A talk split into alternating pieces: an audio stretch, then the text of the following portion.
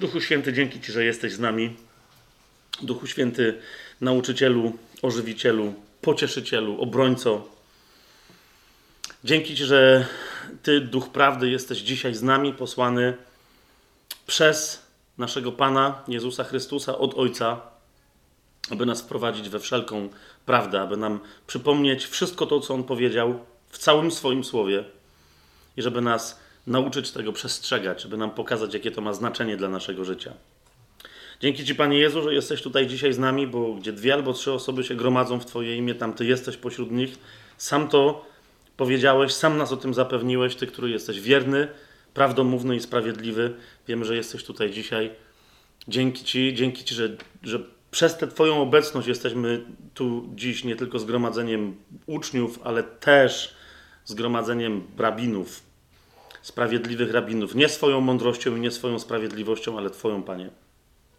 I dzięki Ci, Ojcze, że to wszystko ku Twojej chwale może się tak dziać, że ku Twojej chwale przez imię naszego Pana, Twojego Syna Jezusa Chrystusa w Duchu Świętym możemy się zmieniać, zmierzać ku Tobie.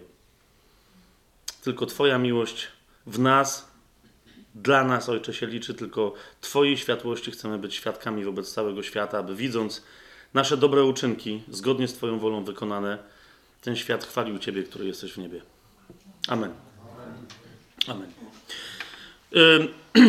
Dokończę, y, zaczynając, pewien wątek y, z poprzedniego naszego y, spotkania, z, nazwijmy to piątego odcinka, bo ten jest szósty, szóstego sezonu.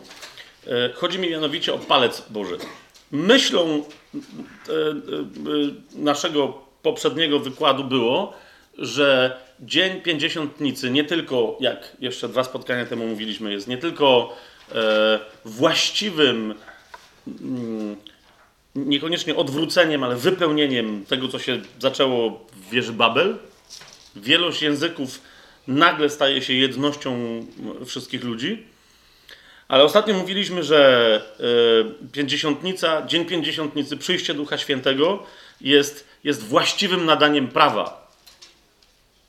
Powołując się na proroctwo z Izajasza, chociażby, które w Starym Przymierzu jest dziwne, yy, które powiada, że prawo wyszło z Syjonu, a nie z góry Synaj, a słowo z Jeruszalaim, to dopiero w Dzień Pięćdziesiątnicy stało się faktem. My nie przystąpiliśmy do góry Synaj, my nie przystąpiliśmy do prawa mojżeszowego, my przystąpiliśmy do góry Syjon, do zgromadzenia świętych. Nie przystąpiliśmy do prawa z kamiennym sercem, żeby przylgnąć tym kamiennym sercem do prawa wypisanego na kamiennych tablicach, ale dostaliśmy serce mięsiste z już wypisanym prawem na tym sercu, które jest prawem życia i prawem, które daje życie, jest prawem żyjących a nie prawem martwej litery, która sprowadza śmierć. Teraz ktoś y, mnie zapytał po ostatnim spotkaniu, jak już byliśmy, e, że tak wyrażę, na ofie, czyli poza nagraniem, w ramach pytań, e, gdzieś tam w przejściu, nawet nie, nie tutaj. E, ktoś mnie zapytał, że no dobrze, e, ale że ja się tak wypowiadam na temat palca Bożego, tudzież ramienia Bożego, o tym nawet dzisiaj nie będę mówił, ale chodziło o ten palec Boży, że ja się wypowiadam na temat palca Bożego, e, jakby to był Duch Święty. Że na górze e, Synaj e, pojawił się przecież Jahwe. I on swoim palcem to napisał. Jak ja mogę mówić tak, jakby palec Boży to był Duch Święty? Otóż e, ja nie mówię, że palec Boży to jest tak, jakby Duch Święty. Rzeczywiście, myśl moja była i myślałem, że ona jest, że to jest oczywista rzecz, ale ja często za często uważam, że rzeczy są zbyt oczywiste, więc wybaczcie mi to. Bo naprawdę chodziło mi o to, że palec Boży to jest Duch Święty, a nie jakaś metafora, gdzie można byłoby znaleźć Ducha Świętego. Więc o tym ostatnio za wiele nie mówiłem. Y, sięgnijmy sobie od razu do, do tekstów biblijnych, żeby było jasne, e, co chcę powiedzieć. W Księdze Wyjścia w 31 rozdziale, w 18 wersecie, jak jest koniec tych wszystkich historii e, spotkania E, pierwszego spotkania osobistego Mojżesza z Panem, po tym jak on już wypowiedział słowa prawa, ale teraz, kiedy miały być zapisane, to, to ta historia spotkania z pisaniem, pierwszym pisaniem prawa kończy się takim zdaniem. To jest wyjścia 31, albo druga Mojżeszowa 31, 18. A kiedy gdy dokończył rozmowę z Mojżeszem na górze Synaj, dał mu dwie tablice świadectwa Jahwe. Tablice kamienne napisane palcem Boga. I teraz widzicie, e, jakbyśmy chcieli się przyjrzeć dobrze temu, e, jak wygląda to zdanie, to w UBG, jeżeli ktoś z Was ma, widzicie, że Pan jest, jest pochyłym drukiem, a więc w tym zdaniu nie ma wyrazu Jahwe. Wszędzie, gdzie jest Pan takimi dużymi literami P, A, N w Starym Testamencie, tam jest zasadniczo prawie wszędzie imię Jahwe. Natomiast jeżeli jakikolwiek wyraz jest napisany italikiem pochyłym drukiem, to znaczy, że on jest dodany dla jasności tekstu, ale jego w oryginale nie ma. Tylko po prostu dla czytelnika polskiego, który, który, który się zbliża do tego tłumaczenia, żeby było jasne, jaki jest kontekst. Niemniej można byłoby też przetłumaczyć to zdanie, więc, więc Jachwę, który tam jest ewidentnie, daje tablicę świadectwa Mojżeszowi. Tym Jachwę jest Duch Święty, lub też jest tam i Ojciec, i Syn, i Duch Święty, a tablice są napisane przez Ducha Świętego. Zwróćcie uwagę, to zdanie można by było równie dobrze sformułować w języku polskim. Kiedy dokończył rozmowę z Mojżeszem na górze Synaj, dał mu dwie tablice świadectwa, Jachwę, tablice, które zostały napisane przez palec Boga. No, bo to jest, to jest równie dobre, właściwe tłumaczenie tego. A więc nie napisane palcem Bożym, ale napisane przez kogo? Przez palec Boga. Ponieważ tutaj mamy rzeczywiście e, nie słowo, nie imię Jahwe, ale palec Elohim. Słowo palec Boga. Jeżeli gdzieś się pojawia słowo Boga, my wiemy, że to jest jednocześnie wypowiedź Boża, ale jednocześnie wiemy, że za słowem stoi Logos, który następnie na świecie pojawia się jako wcielony Chrystus, Jezus z Nazaretu. To jest słowo Boga. Palec Boga, taka jest moja teza, to jest Duch Święty. I e, oczywiście Jahwe jest jeden, to jest jeden Bóg, tak? Więc czy działa pierwsza, druga czy trzecia osoba trójcy to jest jeden i ten sam Bóg, więc to jest tak jak w jednym ciele, można powiedzieć, że palec, ale jeszcze raz, gdzie się pojawia palec, tam jest duch. Tu na Synaju jest duch, który zapisuje tablice kamienne. W, w dniu pięćdziesiątnicy przychodzi ten duch, który pisze, jak potem do Koryntian Paweł napisze, który pisze na tablicach naszych serc, które nie są kamienne, ale żywe. Otwórzmy sobie Księgę Powtórzonego Prawa, dziewiąty rozdział, dziesiąty werset.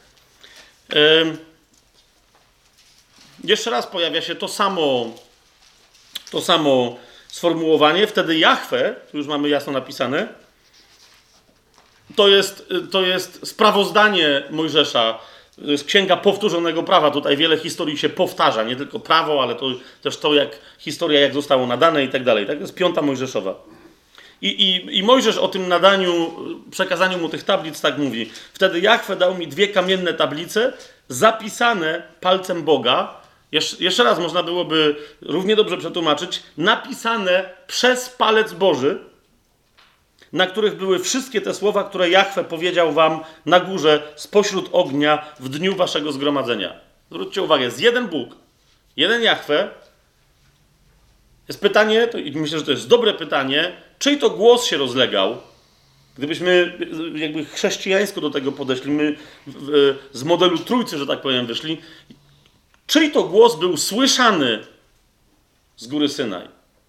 Skoro padały słowa, rozumiecie, padały słowa, czyj to był głos? Czy z woli Ojca nie mógł to być tam mówiący Logos? Skoro było słychać słowa, tym, czego się słucha, jest Słowo Boże. Tak? A tutaj mamy ducha, który jest pisarzem. Zajmuje się słowem, że tak powiem, pisanym, a tym słowem jest życiodajne prawo. Ale okej, okay, mamy tu, powtórzone e, to sformułowanie o palcu Bożym. Zwróćcie uwagę e, e, w księgach, bo nie, nie, będę teraz pokazywać wam innych miejsc, gdzie się pojawia palec. Na przykład zauważcie, w momencie, kiedy Mojżesz czyni znaki, Pamiętacie, w Egipcie przed wyjściem, a faraon nie chce puścić Izraela, to kapłani e, magii, religii egipskiej wykonują podobne znaki i mówią, ta, to jest technika. Nie wiemy, jaką techniką ten chłop się posługuje, ale on jest wychowany w tej samej religii, w tej samej kulturze, w tych samych szkołach. być może nawet przez tych samych nauczycieli. Co my, bo pamiętacie, że, że Mojżesz jest, jest synem córki faraona przybranym i jest wychowywany jak książę egipski. A więc w, różnych, w różne tajniki jest prowadzony. Dlatego ci kapłani przychodzą i mówią, nie, to nie są jakieś wyjątkowe rzeczy. My też tak umiemy. Rzucił laskę, zamieniła się w węża, my tak samo, bach. Ale jest moment, nie, nie, nie chcę o tym yy, teraz tam w to wchodzić, ale jest tam taki moment, kiedy, kiedy pojawia się jeden cud i potem następne, kiedy się pojawiają takie plagi, plagi, tak? Jest moment, kiedy, kiedy y, na rozkaz Mojżesza pył ziemi zamienia się we wszy, które zaczynają obchodzić e, ludzi, zwierzęta i tak dalej gromadnie. I, i, i, ten, i, I w tym momencie e, e, kapłani nie są w stanie powtórzyć tego cudu. Co jest interesujące, to oni pierwsi w Biblii posługują się określeniem, rozumiecie, cofają się i mówią: OK, my tego nie potrafimy zrobić. To jest palec Boży. To jest dokładnie to, co oni mówią. To jest palec Boży. Nie ludzka ręka. To jest palec Boga. Więc, yy, ale nie będziemy tam sięgać. Otwórzmy sobie Księgę Przysłów.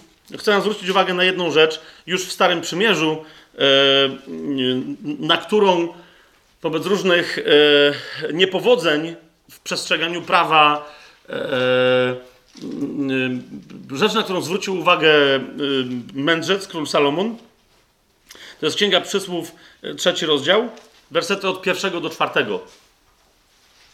I on tam wie, że żeby prawo stało się życiodajne, musi się wydarzyć jedna rzecz. Tyle, że wiedząc to, potem niestety nie podaje przepisu, jak to zrobić. Ale mówi, i jest to nie tyle porada mądrościowa, co proroctwo. Zauważcie, mówi tak. To jest przysłów Yy, trzeci rozdział od pierwszego wersetu. Synu mój, nie zapominaj mojego prawa, a niech twoje serce strzeże moich przykazań. Nie Chodzi o to, żeby nie przestrzegać fizycznie ich, zewnętrznie, cieleśnie, ale żeby w sercu być przekonanym, że, że prawo Boże jest dobre. Zobaczcie, Psalm 119 cały o tym mówi. Że ktokolwiek nie, nie żyje według prawa Bożego, nie, nie, nie, nie, nie, nie pełni woli Bożej, po prostu jest, jest bezsensownym człowiekiem, który żyje w bezsensie. Tylko potem, no, potem przychodzi praktyka i no właśnie, ale on mu mówi, synu mój, nie zapominaj mojego prawa, niech twoje serce strzeże moich przykazań, bo przyniosą ci długie dni i lata życia oraz pokoju. Niech cię nie opuszczają miłosierdzie i prawda, przywiąż je do swojej szyi, wypisz je na tablicy swojego serca. Wtedy znajdziesz łaskę i uznanie w oczach Boga i ludzi. Zwróćcie uwagę, jakie kluczowe słowa się pojawiają przy tym pisaniu na tablicy swojego serca. Co on ma wypisać na tablicy swojego serca? Miłosierdzie i prawdę. Duch, ten, który jeden potrafi pisać na sercach, on jest duchem prawdy. Kiedy to się stanie, kiedy będziesz mieć wypisane przez prawo, przez palec Boży, miłosierdzie i prawdę na swoim sercu, wtedy zaczniesz doświadczać łaski oraz zostaniesz rozpoznany w oczach Boga i ludzi. Zobaczcie, jak Jezus wzrastał, pamiętacie, Łukasz dokładnie do tego fragmentu się odwołuje, jak, jak mówi, że wzrastał w poznaniu i w łasce, tak? w uznaniu w oczach Boga i ludzi. Księga Jeremiasza, jak sobie ją otworzymy, w 17 rozdziale, Dlaczego? Bo cały czas jest pytanie, skąd, skąd możemy wiedzieć, skąd możemy mieć pewność, że palec Boży to jest Duch Święty. Na razie tylko wam pokazuję, że przez funkcję, tak? O której na przykład w drugim do Koryntian Paweł, Paweł mówi, że, że tylko Duch jest w stanie robić te rzeczy, o które od początku chodziło. I pisać prawo, czy na kamieniu, czy na sercach w sposób cudowny. Swoją drogą wypisać prawo na czyimś sercu, a y, wiecie, wypisać, bo to nie Mojżesz wykuł to prawo na kamiennych tablicach, tylko, tylko palec Boży mu je napisał, tak? Możesz ślęczeć z kamieniami, jak długo chcesz na dowolnej górze i czekać, aż się tam coś samo napisze. Dopóki nie przyjdzie ten, który umie cudownie pisać i na sercu, i na kamieniu, to się nic nie stanie. Yy, I teraz skąd się w ogóle wzięło potem to pisanie na sercu, mimo że, że, że król Salomon wyraźnie widział, że taka jest potrzeba. Ponieważ, jak Jeremiasz na to zwraca uwagę, w 17 rozdziale, w pierwszym wersecie, grzech jest czymś, co się, co się ryje w sercu. Hmm?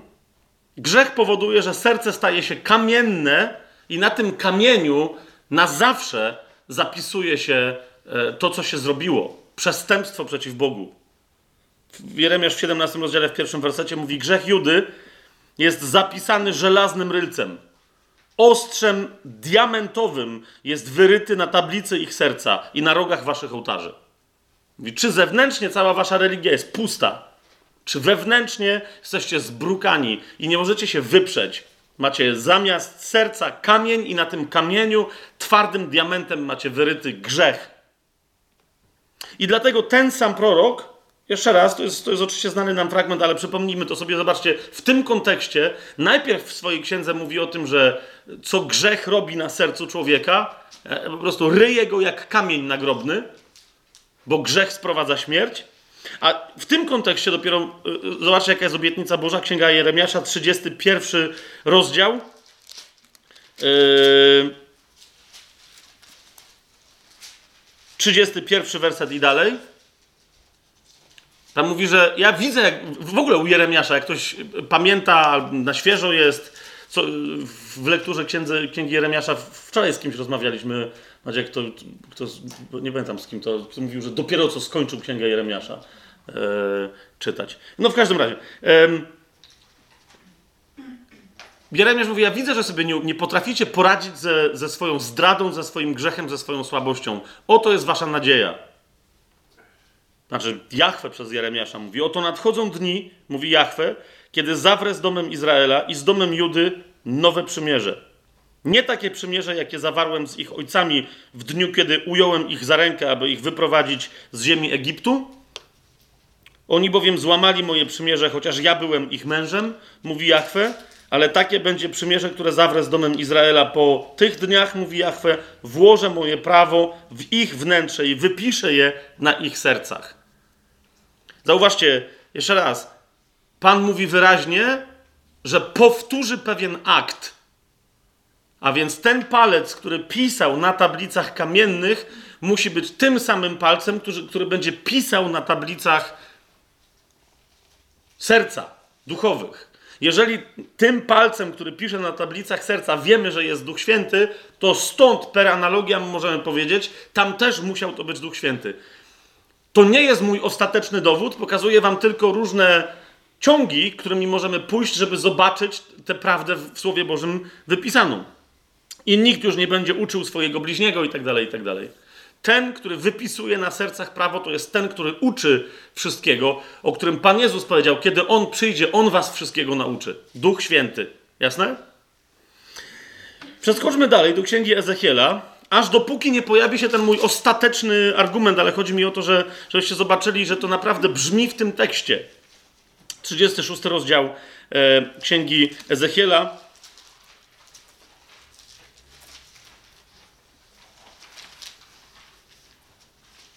E, Jednocześnie ja chcę wam, bo, bo to, co, co, my tutaj robimy, to nie jest tylko pokazywanie sobie tekstu e, i wchodzenie w, w, studium, jaka praktyka z tego tekstu wynika, ale też jak studiować tekst. Chcę zwrócić uwagę na, e, na to, żebyście wy potem zwracali uwagę na takie rzeczy. Zobaczcie, w 25 wersecie, jak jest mowa o Nowym Przymierzu z, w wykonaniu proroka Ezechiela, Słowo Boże powiada i pokropię was czystą wodą, i będziecie czyści. Jak sobie, wiecie, niektórzy przez to przechodzą, mówią, no to jest chrzest, e, no ale chrzest to nie jest pokropienie wodą, to jest zanurzenie się w wodzie. ok? My tu mamy gest, który jak sobie wcześniej sprawdzicie całe prawo, dosłownie, od księgi Księdze Rodzaju, chyba nawet w Księdze Rodzaju, ale nie jestem tego pewny, natomiast wszystkie od Księgi Wyjścia z całą pewnością, aż do Księgi Powtórzonego Prawa, zauważycie, że istnieje w prawie mojżeszowym gest, który się nazywa pokropieniem, i, to jest dokładnie ten sam wyraz, który się tutaj pojawia, i co jest interesujące, bo niektórzy zwykle jak mają słowo pokropienie, to im się kojarzy pokropię was hizopem albo pokropię cię hizopem, a staniesz się czysty, ale gest pokropienia jest gestem świątynnym, jest proroczym znakiem i zawsze jest gestem kropienia jednym palcem. No i sprawdźcie to sobie, możecie sobie, nie wiem, jeżeli macie inny, no sprawdźcie sobie na przykład wyraz palec w Starym w języku hebrajskim, więc w Starym Testamencie. I zobaczycie, że zasadniczo, aż do ksiąg historycznych, palec zasadniczo co robi, to kropi. I teraz uwaga, to jest bardzo istotne. Kropi krwią. Czasem palec pomazuje też na przykład rogi ołtarza, tak? Krwią na pewien znak. Czasem kropi lub pomazuje oliwą, ale nigdy nie kropi wodą. Niektórzy mówią, no tak, bo tutaj chodzi o nowe pokropienie, tą wodą, która była, no właśnie, w jednym miejscu w Księdze Liczb, bodaj tam w którymś 18 czy 19 rozdziale, nie pomnę, tam mogę, mogę, mogę się mylić teraz, ale pojawia się tam koncepcja tak zwanej wody odseparowania albo wody oczyszczenia. Że, że, e, że kto się zanieczyści rytualnie, może się oczyścić przy pomocy tej wody. Niekoniecznie musi przejść przez rytuał pokropienia krwią przez palec kapłana. Może skorzystać z wody. Ale i to jest dobry trop. To jest dobry trop. Niemniej tamta woda jest brudna, ponieważ jest wodą zmieszaną z popiołu, z, po, e, z popiołem z czerwonej jałówki. Nie będę teraz zaś w to wchodził. Niemniej widzicie, co się tam dzieje w Słowie Bożym, tak? Teraz zauważcie, w momencie, kiedy pojawia się zdanie pokropię was czystą wodą i będziecie czyści, to jest odwołanie się do procesu bycia oczyszczonym przez wodę, tylko Bóg mówi, to będzie nowa woda. Nie tak jak tamta, która była zmieszana z popiołem. Ta będzie czyściutka, będzie krystaliczna, przejrzysta, bez żadnych domieszek. To będzie tylko i wyłącznie woda. Nowa, czysta woda. Ale tamten obrzęd, i teraz zauważ, masz jeden wątek, bo możesz sobie sprawdzić ten obrzęd, y, w ogóle tą koncepcję, co to jest czerwona jałówka. Teraz Żydzi tam jest ekscytacja, bo się zaś ponoć jakaś pojawiła czerwona jałówka i tylko muszą sprawdzić w ramach jakichś Sanhedryn teraz w Izraelu, taki wiecie, naprawdę istniejący. Czy ta czerwień jest rzeczywiście czerwona w ramach ustalonych zasad czerwoności jałówek? Ale chodzi mi o to, że, że możesz pójść jednym ciągiem, co to jest czerwona jałówka, dlaczego, jakie ona ma znaczenie, co symbolizuje, co prorokuje, czym jest woda pomieszana z popiołem z czerwonej jałówki, do jakiego rodzaju oczeszczeń służyła, z jakiego rodzaju grzechu, między innymi związanego z dotykaniem umarłych i innymi tego typu dziwnymi rzeczami. I teraz ta, rozumiesz, to jest jeden nurt, a drugi to jest, że będzie nowa woda, nie tak jak tamta, i będzie nowy palec, którym zostaniemy pokropieni. Nie, który nas pokropi, nie krwią, ale tą nową wodą. Zauważ, masz jedno zdanie, w którym nawet palec nie występuje, ale ewidentnie się pojawia przez nawiązanie, bo Ezechiel odwołuje się do, do, do rozumiecie, tu znowu mamy do czynienia, Ezechiel mówi do ludzi, którzy mieli tylko Torę. Nie mieli wszystkich proroków, tak? Nie mieli ksiąg historycznych, a nawet jak mieli, to nie mieli do nich dostępu. Więc się odwołuje tylko do tego, co tamci czytelnicy wiedzieli. Więc pokropienie wodą. I dalej, pokropię was czystą wodą i będziecie czyści. Oczyszczę was ze wszystkich waszych nieczystości i ze wszystkich waszych bożków. Dam wam nowe serce, włożę nowego ducha do waszego wnętrza. Wyjmę serce kamienne z waszego ciała, dam wam serce mięsiste. Tu Ezechiel odwołuje się do tego, co zaczął prorokować Jeremiasz, po czym mówi, na tego, do, do, na tego waszego ducha, waszego i na to wasze nowe serce położę co? Mojego ducha do waszego wnętrza i sprawię, że będziecie chodzić według moich ustaw, przestrzegać moich sądów i wykonywać je. Więc to, co wcześniej jest nazwane wypisaniem prawa na sercu, tu Ezechiel mówi, jest skutkiem osobistego, bezpośredniego przyjścia Ducha Świętego i bycia wypełnionym przez tego Ducha Świętego. To by wystarczyło. To by wystarczyło, ale komu nie wystarcza, to teraz dowód bezpośredni. Tylko widzicie, ja wiem, że zaraz ktoś powie, to nie, nie, nie, nie, nie, nie, nie trzeba było od razu tak zacząć. Jeszcze raz, my nie mamy się szachować Słowem Bożym, tak? Ale, ale, ale mamy się karmić i cieszyć i radować pełnią Jego bogactwa. Nie jesteśmy prostakami, którzy, którzy się zajmują szermierką na wersety ale, ale, ale, ale mamy przyjmować Słowo Boże jako nasze życie, jako, jako osobę. No, to, to jest tak, jakby ktoś miał żonę czy męża, są w sobie zakochani i, i, i potrafił podsumować swojego męża czy swoją żonę w trzech zdaniach. Wiecie o co mi chodzi? To, to by. I, I ktoś powiedział: O, super, widzę, że jesteś taki precyzyjny w poznaniu rzeczywistości. Jesteś tępy w poznaniu rzeczywistości, a nie precyzyjny. Jeżeli zamkniesz swoją żonę w dwóch przymiotnikach, i w jednym czasowniku. Moja żona robi to i to w taki i taki sposób. Przestań.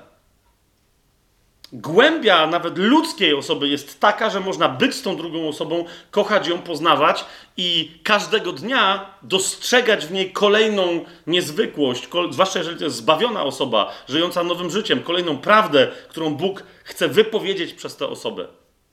A co dopiero sam przez siebie w osobie Słowa Bożego. Czy to jest, czy to jest jasne, co powiedziałem?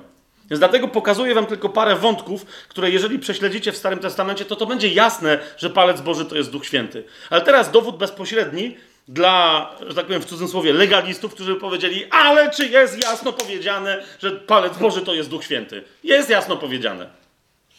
Ewangelia Łukasza, 11 rozdział, 20 werset. Pan Jezus w nim powiedział. Tam jest, wiecie, cała dyskusja na temat i oskarżają Jezusa, że to, że on nie wyrzuca złych duchów, tylko że to Belzebub przez niego działa. Z 11 rozdział 19-20 werset. Pan Jezus mówi: Jeżeli ja przez Belzebuba wypędzam demony, to przez kogo wypędzali wasi synowie? Czy wypędzają wasi synowie? Dlatego oni będą waszymi sędziami. I teraz uwaga, kluczowy werset, to podaję tylko jako kontekst. Pan Jezus mówi: Ale jeżeli ja palcem Bożym wypędzam demony, to istotnie przyszło do was Królestwo Boże.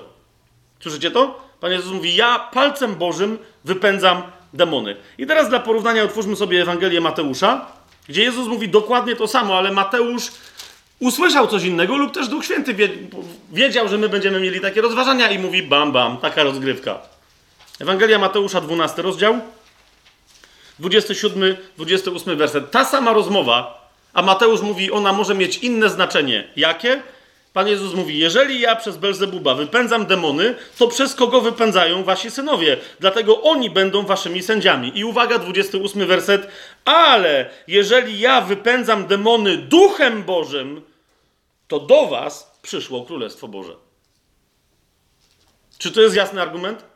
Czy to jest wystarczający dowód? Jeżeli wypędzam palcem Bożym, ok. Jeżeli wypędzam duchem Bożym, dziękuję. Case closed. Sprawa zamknięta. Zostawiłem to na koniec, żeby pokazać, że to jest dla mnie wystarczające yy, równanie, ale jeszcze raz, to, że jest wystarczające, nie znaczy, że jest właściwie karmiące, i dlatego te wszystkie wątki ze Starego Testamentu według mnie są absolutnie konieczne. Jasne to jest? Dobra, nie będziemy e, więcej roztrząsać e, już tematu Ducha Świętego jako prawodawcy. E, pamiętajcie tylko, jeszcze jedną rzecz tylko skomentuję, gdy chodzi o prawo. Ktoś mnie tam zapytał, że no ale jednak prawo, Chrystus jest wypełnieniem prawa. No, no tak, Chrystus jest wypełnieniem prawa. Chrystus kończy prawo i kto ma Chrystusa w sobie, ten jest w stanie wreszcie wypełnić całe prawo. Ale pamiętajcie, że my, będąc wolni od prawa, nie jesteśmy wolni od wezwania do wypełnienia sprawiedliwego warunku prawa. A ja wiem, że teraz wrzuciłem temat, to jest na osobne w ogóle rozważanie, ale dlatego, będąc zwolnionymi z przestrzegania ustaw prawnych mojżeszowych, 613, nie jesteśmy zwolnieni od miłości, która jest wypełnieniem sprawiedliwego warunku i owocu całego prawa. Czy to jest jasne, co, co powiedziałem teraz? Yy, szybciutko, tylko ja nie miałem tego w planie, ale, ale zobaczmy to w liście do Rzymian chociażby. Zobaczcie, i, i znów, jeżeli to kogoś interesuje, i dlatego, bo niektórzy mówią, że po co w ogóle prawo ma wypisywać Duch Święty w naszych sercach? Dlatego, że prawo samo w sobie nie jest złe, tyle tylko, że dla człowieka cielesnego i niezbawionego i nieusprawiedliwionego y, nie jest drogowskazem, nie jest źródłem mocy.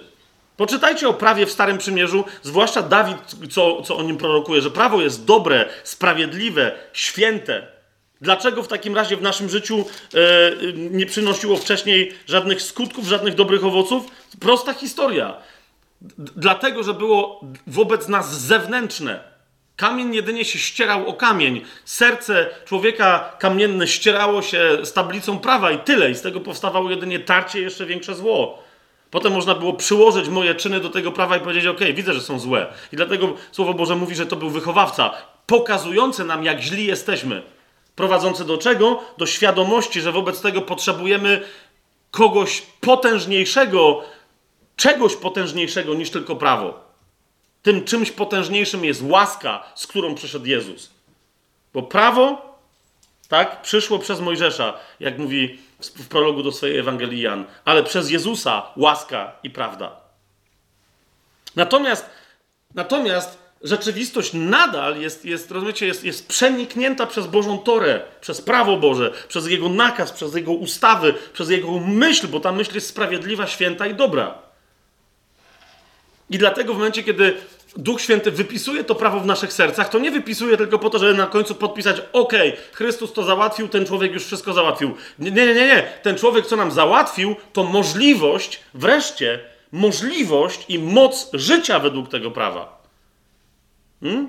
I, dlatego, i, I dlatego jesteśmy przez Jezusa wezwani do miłości. On mówi, już, nie, już, nie, przez, już nie, nie musisz czytać tych wszystkich ustaw i robisz w piątek to, a w sobotę to, a potem jeszcze we wtorek coś innego. Jak jest nów, to coś tam, a jak jest pełnia, to jeszcze coś, a jak przyjdzie takie święto, to o świętach zaraz będzie mowa.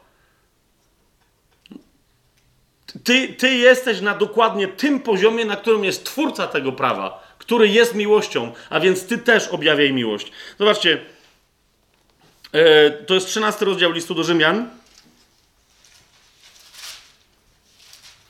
Od ósmego wersetu Paweł e, tę myśl, to nie jest oczywiście jedyne miejsce, e, gdzie Paweł coś takiego mówi.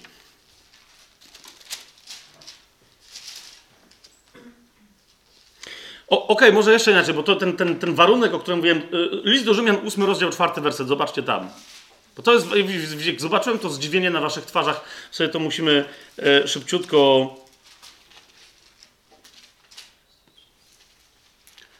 Widzisz, przyszedł duch i zapisał prawo w moim sercu. To jest dzień pięćdziesiątnicy. Zobaczcie ósmy rozdział listu do Rzymian. Pierwszy i drugi werset najpierw. Dlatego teraz żadnego potępienia nie ma dla tych, którzy są w Jezusie Chrystusie, którzy nie postępują według ciała, ale według ducha. Nowe narodzenie to, to jeszcze nic. Znaczy, to, nie, to nic, to jest, to jest wszystko, to jest przełom, ale od którego zaczyna się całe nowe życie, które ma być czym wypełnione? Hmm? Nie ma dla nas potępienia, ale teraz istnieje życie w jakimś porządku błogosławionym.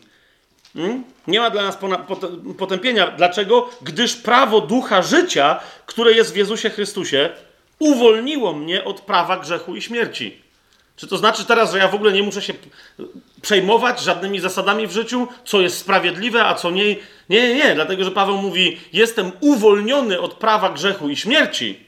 Ale co się teraz dzieje? Zobaczcie, trzeci werset. Co bowiem było niemożliwe dla prawa, w czym było ono słabe z powodu ciała, Bóg, posławszy swojego syna w podobieństwie grzesznego ciała i z powodu grzechu, potępił grzech w ciele. Po co? I to jest owoc, z którym przychodzi do nas Duch Święty, aby sprawiedliwość prawa wypełniła się w nas, którzy postępujemy nie według ciała, ale według ducha. Jeszcze raz, nie przez jednorazowy akt łaski, zwróćcie uwagę. Jednorazowy akt łaski jest uwolnieniem spod prawa grzechu i śmierci. Do czego? Do życia, które jest wypełnianiem. Zobaczcie, aby sprawiedliwość prawa wypełniła się w nas, którzy co? Którzy postępujemy nie według ciała, ale według ducha. Postępujemy. Wszystkie nasze uczynki teraz są wypełnianiem Skoro jesteśmy sprawiedliwi, to co teraz czynimy? Sprawiedliwość. Największy, największy, najbardziej przerażający rozłam, jaki istnieje w świecie, to jest człowiek zbawiony, usprawiedliwiony z łaski, który nie żyje według tego ducha, którego ma w sobie, który wypełnia jego ducha i nie według prawa w nowym sercu, które dostał przez nowonarodzenie, ale który nadal, mając taki skarb w sobie, żyje według ciała. To jest najbardziej przerażający rozłam, największy horror, jaki istnieje w tym świecie. Nie ludzie grzeszni, bo nie mogą być zbawieni, ale ludzie zbawieni, którzy nadal trwają w grzechu. Pamiętacie, w tym samym liście do Rzymian Paweł woła w szóstym rozdziale, mówi, czy wobec tego, skoro umarliśmy z Chrystusem przez chrzest, weszliśmy, czy, czy mielibyśmy dalej grzeszyć? Nie daj Boże. Czy skoro czy fakt, że istnieje łaska i ona jest dla nas wszystkim, miałby nas zwolnić i mielibyśmy grzeszyć? Nie daj Boże, dwa razy krzyczy, nie daj Boże, żeby ktoś tak pomyślał, a co dopiero, żeby tak robił. I teraz zobaczcie 13 rozdział. W tym kontekście Bo tu Paweł wraca do tej myśli na temat prawa. 13 rozdział listu do Rzymian, od 8 wersetu, Paweł mówi: Nikomu nie bądźcie nic winni oprócz wzajemnej miłości. Kto bowiem miłuje bliźniego, wypełnił prawo. Wypełnianie sprawiedliwości prawa, będąc, rozumiecie, reprezentantem tego prawa, światła tory na tej, na tej ziemi, przez nowonarodzenie, przez posiadanie nowego serca i nowego ducha, wypełnionego Duchem Świętym, wyraża się w miłości. Dlatego e, w liście do Galacjan Paweł powie, że, że najważniejsza i jedyna jest wiara działająca poprzez miłość. A nie wiara, która wyraża się w opowiadaniu, jak wygląda e, moja struktura moich doktryn, jak wygląda moje credo. Jak często chrześcijanie się spotykają i się zaczynają rozmawiać, a potem się kłócić. No to jest pusta dywagacja. Pokaż mi swoje życie, mówi Jakub. Z twoich uczynków powiem ci, jak wygląda twoja wiara.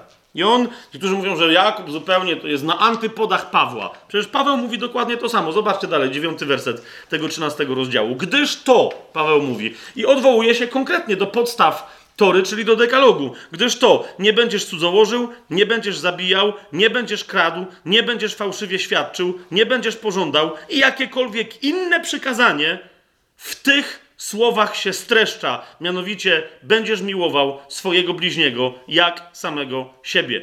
Miłość nie wyrządza zła bliźniemu, tak więc, jeszcze raz mówi, wypełnieniem prawa jest miłość.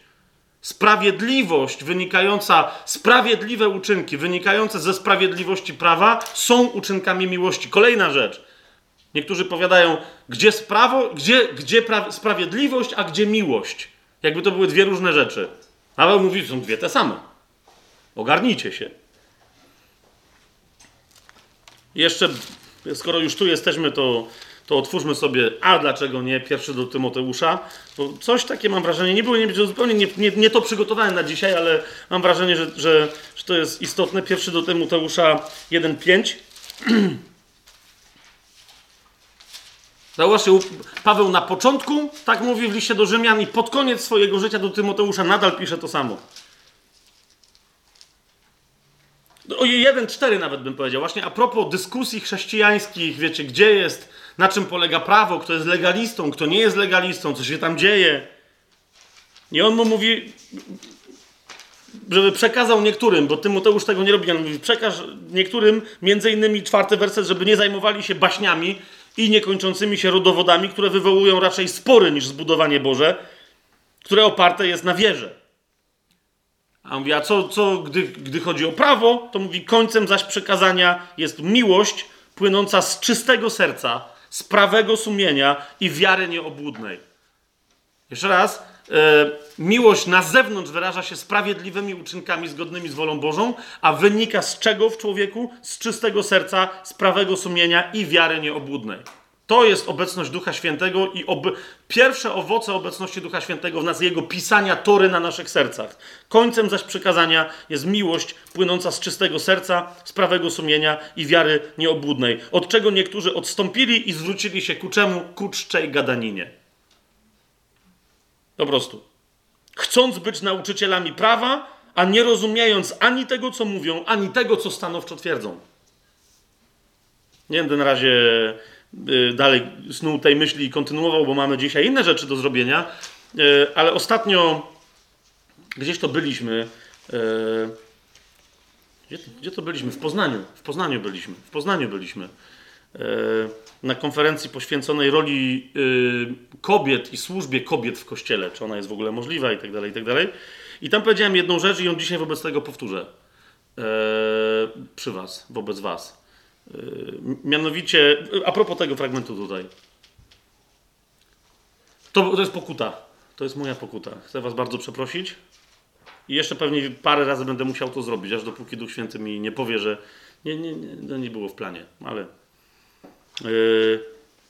mianowicie, jak się przyjrzymy dobrze temu fragmentowi, to, to zauważcie, poza tym wszystkim, o czym powiedziałem, że z niego wynika, w tym Tymoteuszu, jedna z rzeczy, która wynika z tego fragmentu, to jest, że jeżeli czyjeś nauczanie, nieważne czy trwa 5 minut, czy 500 godzin, jeżeli czyjeś nauczanie nie prowadzi do końca przykazania, czyli do czystej miłości, nie, nie dotyka w innych wierzących prawego sumienia, czystego serca i wiary nieobłudnej, tak, żeby, żeby inni wierzący zaczęli owocować czystą miłością,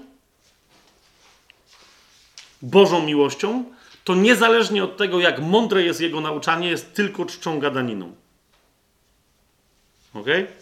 Dlatego, że, że dobre nauczanie to nie jest nauczanie, które, które jest tylko i wyłącznie, które jest zgodne z Pismem Świętym i logiczne, e, wewnętrznie spójne. Ponieważ podstawowym celem głoszenia Słowa Bożego jest udzielanie się ducha i w tym duchu wzrost do owocowania, a owocowanie jest tylko w miłości. I teraz, co chcę powiedzieć?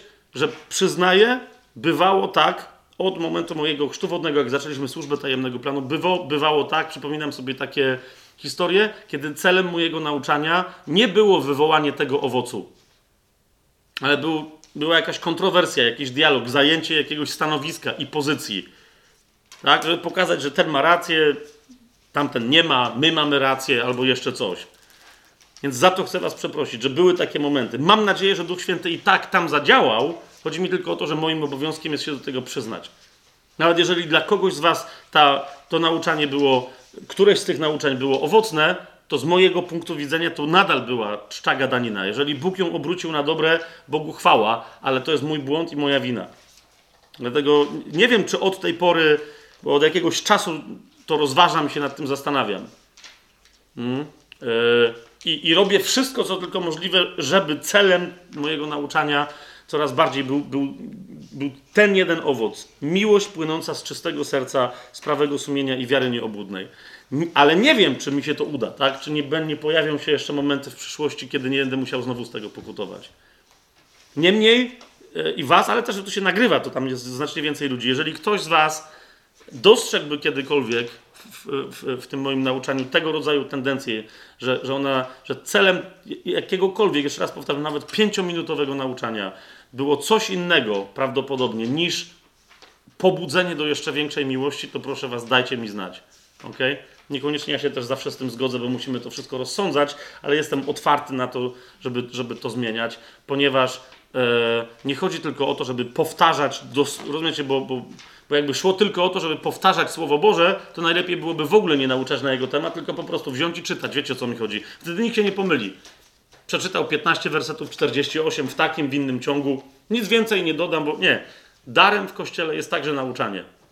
Ale najlepsze jedyne, o które chodzi, to jest to nauczanie, które jest skierowane na miłość. Cała reszta to jest czcza gadanina. Jeżeli jakieś nauczanie w tobie wywołało raczej ochotę, żeby się z kimś kłócić, żeby komuś yy, dowalić, żeby no niekoniecznie żeby gdzieś pójść coś, kogoś do czegoś przekonywać, a nie do miłości, jeszcze raz to znaczy, że że dla ciebie dane nauczanie, nawet jeżeli nauczyciel chciał dobrze, dla ciebie było tylko czczą gadaniną. Czy to jest jasne, co powiedziałem teraz? Czy to jest jasne? Ani, to jest... Okej, okay, dobra. Tyle na temat prawa e, wypi wypisanego w naszych sercach. To jest pięćdziesiątnica. Jeżeli gdzieś jest jakiś kościół, mówi, my mamy pięćdziesiątnicę, my mamy Ducha Świętego, to, to, to, to, to zawsze to, to po tym poznasz, czy, czy mają. Nie, nie po jakichś tam innych historiach. I teraz, kochani, e, bardzo, bardzo istotna rzecz, mianowicie Duch Święty przychodzi nie bez przyczyny w Dzień Pięćdziesiątnicy. To jest jedno z siedmiu świąt, które e, ja nazywam e, świętami biblijnego Izraela. Dlaczego tak mówię? Nikogo nie urażając, niech naprawdę nie mam nic przeciwko dzisiejszemu Izraelowi. Chodzi mi tylko o to, że, że w Izraelu dziś w sensie w judaizmie, niekoniecznie w Izraelu, istnieje nieco więcej świąt niż te, które Pan powiedział, że mają być świętowane. I teraz to, to nie znaczy, że to jest źle, rozumiecie? Zrozumiecie mnie? Jedno z takich świąt, którego, którego nie będzie w ramach tych siedmiu, o których za chwilę powiem, to jest na przykład święto Purim. Święto, pamiętacie historię Estery, uratowania Izraela z rąk złośliwca, którego imienia my też, tak jak Żydzi, nie będziemy tutaj powtarzać, ale który miał dokładnie ten zamysł, który później towarzyszył Hitlerowi, wielu innym, tak, faraonowi, wielu różnym ludziom w historii, żeby, żeby znieść Izraela z powierzchni ziemi. Więc to święto tak? które wynika, z, znajdziecie opis, dlaczego, skąd się to święto wzięło w Izraelu, ono jest y, opowiedziane w Księdze Purim, też jest biblijne, ale chodzi mi o to, że Biblia, Biblia, właściwa Biblia, pięć, właściwa Biblia, ta, rozumiecie, to serce Starego Przymierza, Tora, pięcioksiąg, y, nie ma na przykład święta Purim, więc ich jest parę, troszeczkę więcej, nie chodzi o tych siedem, ponieważ uważam, że one w sposób proroczy opowiadają opowiadały i nadal opowiadają, jak wygląda Boża strategia w historii działania jego Mesjasza. Taktyka, więc w poszczególnych momentach, jak Bóg będzie działać na ziemi, to są inne historie, chociaż też Biblia według niej objawia, ale tych siedem świąt pokazuje, co się będzie działo, jak Bóg rozpocznie swój kontratak wobec szatana oraz atak na wszystko to, co, co, co nieboże i wszystko to, co, co, co, co złe i, i, i, i wrogie nam, jako Jego stworzeniu. Otwórzmy sobie e, Księgę Kapłańską, żebyście zobaczyli, o czym mówię. E, zwłaszcza, że według mnie do tej pory, nie tylko według mnie, bo, bo mnóstwo ludzi to bada i wszyscy są zgodni, że do tej pory z siedmiu świąt wypełniło się dopiero wypełniły się cztery. To znaczy wypełniły się wszystkie, uwaga, święta wiosenne. I teraz możemy powiedzieć, wiosna jest już za nami wobec tego, ponieważ jeżeli czwarte święto wiosenne jest wypełnione, to ono w zasadzie w Izraelu otwiera lato. A więc czas, w którym my żyjemy, te dni ostatnie, oczekiwania na Pana Jezusa, to jest czas letni. Jeszcze do tego wrócimy, jakie to ma znaczenie. Ale przed nami jeszcze jesień. W lecie i w zimie Izrael nie obchodził świąt według planu yy, z pięcioksięgu. Obchodził na wiosnę i obchodził na jesieni. Jesień to jest drugie przyjście Pana Jezusa. Wiosna to jest to, co Mesjasz robił w czasie swojego pierwszego przyjścia, więc na wiosnę. Jesień jeszcze jest przed nami i już w tych świętach, które Bóg kazał obchodzić Izraelowi, jest zapowiedziana przyszłość. Ok, Księga Kapłańska to jest nasz podstawowy tekst, 23 rozdział od czwartego wersetu. Jeszcze raz zwróćcie na to uwagę, że normalnie czytając Księgę Kapłańską, czyli trzecią Mojżeszową, ktoś mógłby powiedzieć, e, nuda. Jeszcze raz, co gdyby zacząć czytać, ja to już dawno zacząłem robić, wielu wiem, że też, ale jeżeli ktoś z Was jeszcze nie zaczął, co gdyby zacząć czytać Stare Przymierze, zwłaszcza księgi prawne, jako księgi prorocze? Hmm? Zobaczcie, mamy tutaj tego przykład. 23 yy, rozdział od czwartego wersetu księgi trzeciej Mojżeszowej, czyli księgi kapłańskiej. Oto uroczyste święta Jahwe, święte zgromadzenia, które będziecie ogłaszać w ich oznaczonych porach. Tak się zaczyna ten, ten nieprawdopodobnie istotny tekst. Pamiętacie, pamiętacie, jak mówiłem wielokrotnie o chiaźmie, że, że tak się buduje w retoryce hebrajskiej całą wypowiedź, że się wchodzi na górę, na górze jest to, co najważniejsze, to jest szczyt, i potem się schodzi z tej góry z tym, co się znalazło na górze. Tak? Jeżeli pięcioksiąg jest taką ogromną górą, to zauważcie, trzecia Mojżeszowa oczywiście jest w środku. Tak? Rozdział 23 nie do końca jest w środku tej trzeciej księgi, ale ewidentnie jest szczytem tej księgi i jest szczytem wszystkich innych ksiąg. To, to, to jest to.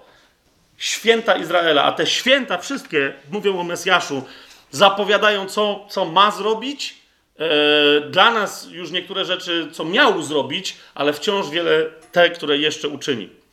A więc w pierwszym miesiącu, 14 dnia tego miesiąca, to jest miesiąc z, z, w Biblii po, zwłaszcza e, ze względu na niewolę babilońską i babilońskie wpływy nazywane miesiącem Nisan, ale jak w innych, bo niektórzy mnie pytają, czy to jest jakiś inny miesiąc, ten miesiąc jest też nazywany miesiącem Aviv.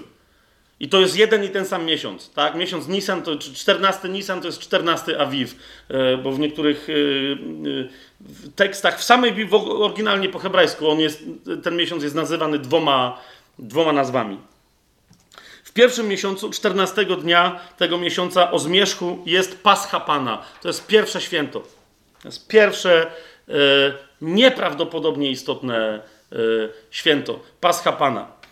E, zauważcie, tutaj nie ma za dużego opisu, bo zwłaszcza w Księdze Wyjścia, czyli w drugiej Mojżeszowej, tam jest ogromny opis tego, co to jest Pascha Pana. Pamiętacie, jak Izrael wychodził z Egiptu, tak? Pascha Pana miała być spożywana w pośpiechu, w, w, przygotowaniu do podróży z przepasanymi biodrami. Polegała na czym? Na zabiciu baranka i pomazaniu drzwi swoich domów krwią tego baranka. Po co? Żeby anioł śmierci, który przechodził i zabijał wszystko, co pierworodne w Egipcie, żeby ominął te miejsca, które były zaznaczone krwią baranka.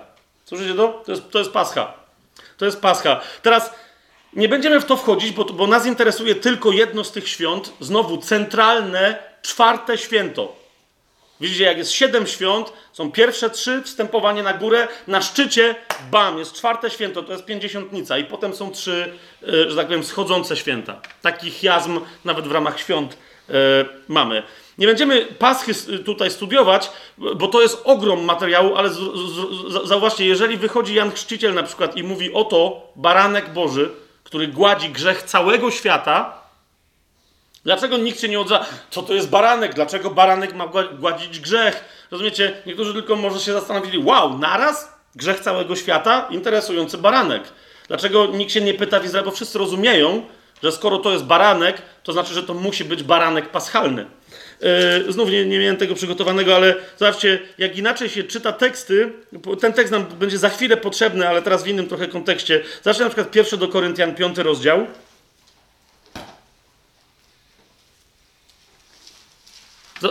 Zauważcie, jeżeli ktoś nie wie, na czym polega Pascha, we wszystkich tekstach Starego Testamentu, w praktyce Izraela, czym jest Pascha, to powiedz mi, jak ma rozumieć taki fragment? To jest pierwszy do Koryntian, ty, na przykład, bo takich y, tekstów jest więcej, ale chodzi mi o to, to jest y, pierwszy do Koryntian, piąty rozdział, e, siódmy werset gdzie Paweł się naraz odwołuje do, do, do dwóch świąt, do święta Przaśników i do święta Paschy. I mówi tak, usuńcie więc stary zakwas, abyście byli nowym ciastem, jako że jesteśmy przaśni. Chrystus bowiem, nasza Pascha, został ofiarowany za nas. I teraz jest, rozumiesz, jeżeli Paweł mówi Chrystus, nasza Pascha, jak wiesz, jest czytanie, albo ty sobie czytasz, możesz przeskoczyć nad tym, ile to się mówi Chrystus, nasza Pascha, to są dwie sekundy? Ale teraz chodzi, chodzi mi o to, że wejdź to i, i teraz przeczytaj, co to jest Pascha i odpowiedz sobie na pytanie, co to znaczy, że Chrystus jest moją Paschą. A więc jest wypełnieniem tego, czego Pascha była proroctwem zaledwie. Na ile dziś się Ciebie pytam, siostro i bracie, tu jak jesteście obecni, ale też tych, którzy tego będą słuchać, na ile wiesz, jak, na ile teraz jesteś w stanie odpowiedzieć, co to znaczy, że Chrystus jest Twoją paską, że jest naszą, bo tam jest liczba mnoga, że jest naszą paską. Na ile jesteś w stanie na, na to pytanie odpowiedzieć? Komuś, ktoś po, przyjdzie do Ciebie i powie, tu jest napisane, że Chrystus jest Waszą paską. Co to znaczy? Wy jesteście Żydami? Jaka jest Twoja odpowiedź? Bo ona nie może tylko się zawierać, no Chrystus jest barankiem. No nie, nie, nie, nie. Baranek jest tylko jednym z elementów paschy. Tak? O tym, że, że, że drogocenną krwią baranka, chociażby e, Piotr w pierwszym swoim liście mówi, zobaczcie, pierwszy Piotra, zaraz na, na początku, pierwszy Piotra, e, pierwszy rozdział, 18-19 werset. Wiedząc o tym, że nie tym, co zniszczalne, srebrem lub złotem, zostaliście wykupieni z waszego marnego postępowania przekazanego przez ojców, ale drogą krwią Chrystusa jako baranka niewinnego i niepokalanego. Widzicie to? To jest, to jest odwołanie się do, do jednego z obrzędów, rytuałów, do jednego ze znaków Paschy. Ale Paweł do Koryntian mówi: Chrystus jest naszą całą Paschą. Co to znaczy? Ono oznacza przejście. Wróćmy do Księgi Kapłańskiej. E, Chrystus swoją drogą, zwróćcie uwagę na to, dosłownie wypełnia Paschę, ponieważ e, w momencie, kiedy baranki paschalne są zabijane w świątyni, są zabijane przez, że oni mogli potem pójść do domów i zrobić, e, przygotować posiłek paschalny dla siebie, dokładnie w tym samym czasie Chrystus jest mordowany na krzyżu. Wiecie, on jest barankiem, który jest składany w ofierze, nie tylko w tym znaczeniu, ale wręcz w czasie, kiedy paschalne baranki zapowiadające jego jedynego baranka, ostatecznego baranka paschalnego, on jest dokładnie wtedy składany w ofierze. Więc, więc widzicie, to jest, to jest, i teraz zobaczcie, to jest pierwsze święto, tak? Pascha.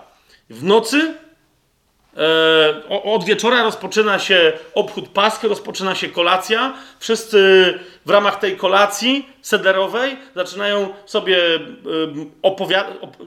Do dzisiaj Żydzi opowiadają tak zwaną Haggadę, czyli dlaczego w ogóle mamy obchodzić tę Paschę. Jest mowa o tym, jak Pan wyprowadził swój lud z przeklętej ziemi do ziemi obiecanej, przeprowadził przez Morze Czerwone itd., tak itd. Tak w tym czasie Chrystus rozpoczyna swoją kampanię, rozpoczyna swoją ofensywę. Schodzi do piekieł, jak Słowo Boże w innym miejscu mówi, i rozpoczyna wyzwalanie, rozpoczyna zwyciężanie diabła, odbiera mu klucze do śmierci, otchłani. No wiecie o co mi chodzi, tak? A więc wszyscy mówią, ok, to oznaczał baranek, a baranek w tym momencie, który odkupił cały świat, teraz egzekwuje to odkupienie. Przychodzi do tego, który twierdził, że jest właścicielem i mówi, mm, mm, nieprawda. Dokładnie tego dnia, kiedy jest Pascha. A więc to jest, to jest pierwsza rzecz. Teraz idziemy dalej. Zobaczcie, to jest czwarty dzień. Piąty dzień. Nie piąty dzień, co. E, drugie, drugie święto, to jest 15 i dlatego mi się tak powiedziało. Teraz następnego dnia, czyli w pierwszy dzień, kiedy Pana Jezusa nie było na ziemi po Jego śmierci, 15 dnia tego miesiąca będzie święto przaśników Jachwę. Czyli święto niekwaszonego chleba. Jeszcze raz, w tym fragmencie, do którego się odwołałem w piątym rozdziale pierwszego do Koryntian, e, dokładnie Paweł do tego się odwołuje. Tak? E, e, znów można pójść całym, wiecie, wątkiem, co się, co się tam miało wydarzać, o co chodzi. Mamy taki opis. 15 dnia tego miesiąca będzie święto przaśników dla Jachwę, czyli dosłownie święto niekwaszonego chleba, czyli chleba przaśnego, upieczonego bez zakwasu. Hmm? Przez 7 dni będziecie jeść przaśne chleby. W sensie, bo niektórzy nie wiedzą, czy to jest finał tego święta, czy to jest początek. Czyli od tego dnia przez 7 dni yy, macie jeść yy, tylko i wyłącznie przaśne chleby. Tak? Przez 7 dni. To się teraz zaczyna pierwszy dzień przaśników. Pierwszy dzień, kiedy Pana Jezusa nie ma na ziemi, ale rozpoczyna oczyszczenie z, z, yy, w duchowym świecie z wszelkiego kwasu. Pierwszego dnia będziecie mieć święte zgromadzenie, nie będziecie wykonywać żadnej uciążliwej pracy, ale będziecie składali Jachwę ofiarę spalaną przez 7 dni. Siódmego dnia będzie święte zgromadzenie, nie będziecie wykonywać żadnej ciężkiej pracy. Yy, Okej, okay. I, to, i, i to jest tyle. Co oznaczają prześniki, usunięcie kwasu, e, zwłaszcza starego, chodzi o to, że w ogóle wtedy Żydzi, wiecie, jest taki cała historia, dzień przygotowania do prześników, Nawiasem mówiąc, w Ewangelii Jana będziecie mieli informację, że, że właśnie, że jest to święto, tak? Żeby Jezusa zdjąć z krzyża, żeby go usunąć, bo po prostu, bo był to dzień przygotowania. To był, to był, to był dzień usuwania, dzień zabijania baranka jest też dniem usuwania kwasu. Nie może się znaleźć dzieci, do dzisiaj w żydowskich domach latają wszędzie i szukają, gdzie jest jeszcze jakiś chleb, który, czy fragmenty pieczywa zakwaszonego, żeby to wszystko musi być usunięte, nie może tego być w domu, bo jest symbolem czego? Grzechu, starych, zatwardziałych historii, nieprzebaczenia itd., itd., itd.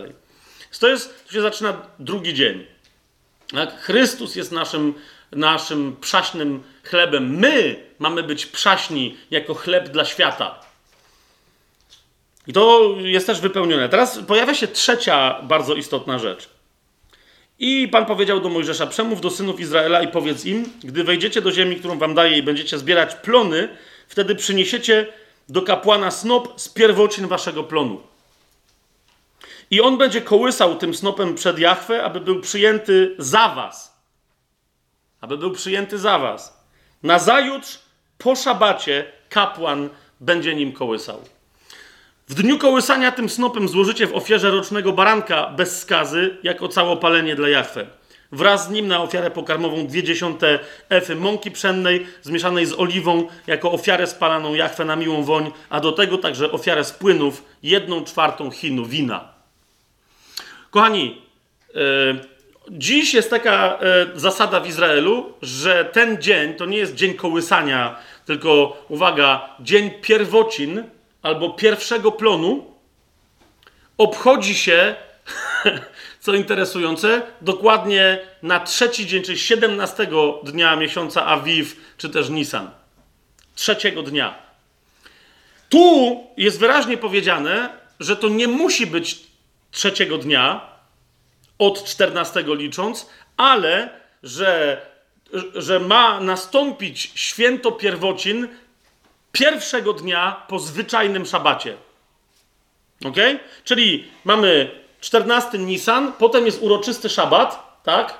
Bo się zaczynają prześniki. I teraz chodzi o to, że na przykład jeżeli by ten szabat był we wtorek i niektóre, yy, yy, niektóre yy, nurty judaizmu dzisiaj dokładnie tak mają, że nie mają sztywno wyznaczonego tego dnia pierwszych plonów czy pierwocin na 17, ale mają na kiedy? Na pierwszy, na, na pierwszy dzień po szabacie zwykłym. A więc na przykład, jeżeli prześniki wypadają we wtorek, to czekają do soboty i tak czy siak zawsze pierwszy dzień pierwocin jest pierwszym dniem po szabacie, czyli jest to, co my nazywamy niedzielą. Czy to jest jasne, co, co mówię? Dlaczego to jest istotne? Bo widzicie, jak niektórzy mnie pytają, że jak to, ale przecież. Yy, bo ja kiedyś powiedziałem, że, że, że, że, Pan Jezus musiał wypełnić proroctwo, że, że jak Jonasz był we wnętrznościach ryby, tak i Syn Człowieczy będzie trzy dni i trzy noce we wnętrznościach ziemi. Pamiętacie te, te, ten fragment, tak? Obchodzenie więc Wielkiego Piątku jest nonsensowne, jeżeli chcemy obchodzić, w ogóle jeżeli ktoś ma potrzebę, żeby z tego jakieś święta robić, ale jak już ma potrzebę, to niech obchodzi tak, żeby były trzy dni i trzy noce. Z całym szacunkiem między piątkiem a niedzielą są tylko dwie noce. Wiecie o co mi chodzi? Ja już teraz pomijam, że Żydzi liczą dzień od wieczora, więc to jeszcze e, trochę komplikuje sytuację, ale według mnie między niedzielą a śmiercią Pana Jezusa były przynajmniej dwa szabaty, być może oprócz szabatów jeszcze nawet jakiś zwykły dzień pomiędzy nimi, tak?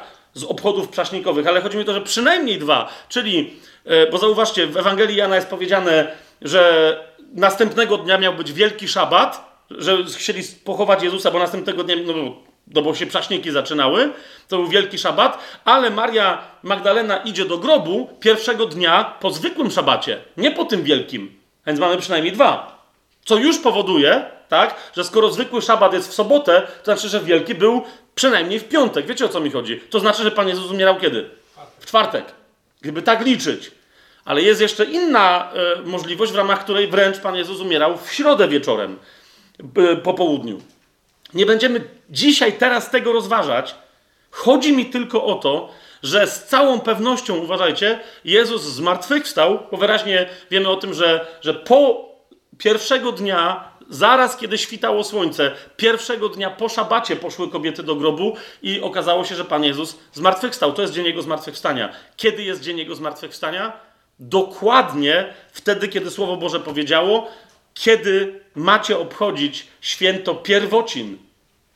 Teraz zwróćcie uwagę. Pierwszy, znowu, ja tylko tak chcę wam pokazać, dlaczego to bo niektórzy mówią, okej, okay, fajne rozważanie, super, co to ma do nas. Zobacz, na przykład w pierwszym do Koryntian, jak inaczej będą wyglądać twoje rozważania, jeżeli, y, jeżeli zobaczysz, to jest pierwszy do Koryntian, 15 rozdział.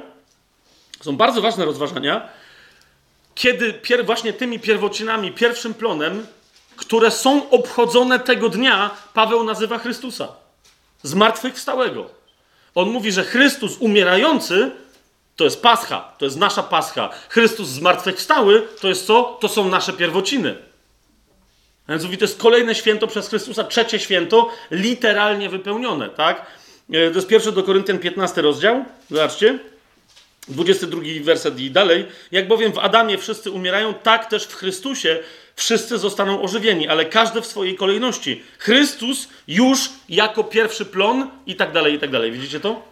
I to jest jasne odwołanie, to jest ten sam, to samo określenie, ten sam wyraz grecki, którym się e, posługiwała diaspora żydowska na określenie trzeciego święta po pasrze i po prześnikach, czyli święta pierwocin, święto, święta pierwszych plonów. Teraz, więc mamy, jeszcze raz, teraz zobaczcie, jeżeli tam jest określenie, ktoś rozważa zmartwychwstanie Pana Jezusa, cały jego klimat, niech wejdzie w, stary, w Stare Przymierze i niech przestudiuje, na czym polegał dzień pierwszych plonów, tak? W, pier, w pierwszym dniu po szabacie, po prześnikach i po pasrze i być może tam nagle dostrzeże wiele informacji na temat zmartwychwstania Pana Jezusa, Jego znaczenia dla nas, okay, których nie ma w Nowym Testamencie, albo przynajmniej tak mu się wydaje, że nie ma. Czy to jest jasne do tej pory, co, co, co mówię? Jeszcze raz, to, to, nas, to się tyczy Pana Jezusa, byśmy mieli zrobić to jakoś szerzej, ale to nam sezonu nie starczyło, kiedy były Ewangelie. Mam nadzieję, że jeszcze do tego kiedyś wrócimy. Ale teraz, co jest bardzo istotne? Otóż widzicie, ten dzień, on zawsze wypada w niedzielę. To jest bardzo interesujące. Niezależnie od tego, mówię, Żydzi dzisiaj, ze względu zwłaszcza na, na, na to, że wiecie, że Pan Jezus, wiedzą, że my świętujemy zmartwychwstanie Jezusa w niedzielę, sensie świętujemy, w sensie, że wiemy, że to był ten dzień. Myślę, że wiele, w wielu nurtach judaizmu dzisiaj został ten dzień ustawiony na sztywno, na 17 Nisan, czy też 17 Awiw. Gdy tymczasem Słowo Boże jest jasne w tej kwestii, to musi być pierwszy dzień po zwykłym szabacie, a nie po szabacie, po szabacie wielkim, e, przaśnikowym paschalnym. I teraz co jest istotne? Otóż od tego momentu rozpoczyna się tak zwane liczenie Omeru. Czyli, no czyli czego właśnie? Zobaczcie, to jest 23 rozdział, 15 werset. I to wiecie, to ten dzień, kiedy Jezus zmartwychwstaje, on jest istotny, e, jest zaznaczenie, że najpierw, najpierw Chrystus a potem reszta. Zauważcie, w 14 wersecie jest powiedziane, że tego konkretnego dnia nie będziecie jeść ani chleba, ani prażonego ziarna, ani świeżych kłosów, aż do momentu przyniesienia ofiary waszemu Bogu. Będzie to wieczna ustawa przez wszystkie wasze pokolenia, we wszystkich waszych mieszkaniach. Po prostu. Najpierw Chrystus, najpierw te pierwociny. I teraz tego dnia rozpoczyna się tak zwane liczenie Omeru. To jest 15 werset, który mówi tak. I od tego dnia odliczycie sobie od pierwszego dnia po szabacie, widzicie, jeszcze raz to jest powiedziane, pierwszego dnia po szabacie, czyli naszym językiem mówiąc chrześcijańskim, od dnia zmartwychwstania Chrystusa, odliczycie, odliczycie sobie od pierwszego dnia po szabacie, od dnia, w którym przynieśliście pierwszy snop kołysania, odliczycie 7 pełnych tygodni. 7 razy 7 jest ile? 49. Aż do pierwszego dnia po siódmym szabacie odliczycie 50 dni, czyli 49 dzień to jest siódmy szabat. I teraz mówią, ale nie w szabat, tylko w dzień po, czyli znowu w niedzielę. I to zawsze tak samo musi wypaść, tak? Bo jest to, musi, to musi być pierwszy dzień po szabacie. Co się wtedy dzieje? Aż do pierwszego dnia po siódmym szabacie odliczycie 50 dni i wtedy złożycie Jachwę, uważajcie, nową ofiarę pokarmową. To jest dzień pięćdziesiątnicy. Dlatego pięćdziesiątnica nazywa się pięćdziesiątnica, ponieważ jest zawsze obchodzona w pięćdziesiąty dzień liczenia Omeru. To jest Omer, to jest tych siedem tygodni. ok? Siedem tygodni to, ale jeszcze do tego tematu dziś wrócimy, yy, tylko później to jest siedem tygodni żniw jęczmiennych, ale pierwszy raz, o tym za chwilę. Tak? To jest liczenie Omeru. Siedem dokładnie tygodni. I pięćdziesiątego dnia to są dożynki jęczmienne i jednocześnie początek, no okej, okay, okej, okay, wszystko, wszystko, wszystko po kolei. Tak? Teraz jak to jest ważne, bo jeszcze później ten wątek się nie, y, rozumiecie, tam gdzie się pojawia Duch Święty, to jest naprawdę serce, to jest centrum, y, to jest, to jest naprawdę, jeżeli Kościół by miał mieć, jest powiedziane w Biblii, że, że, że mieli jedną duszę, tak? Duch Święty jest duszą tej duszy, którą ma Kościół. M mogę tak powiedzieć? Niektórzy nie wiedzą, czy mi mogą dać pozwolenie. No, Okej, okay, dobra. Więc ym, pięćdziesiątnica z tego. Zobaczcie, y, Księga Wyjścia, 34 rozdział.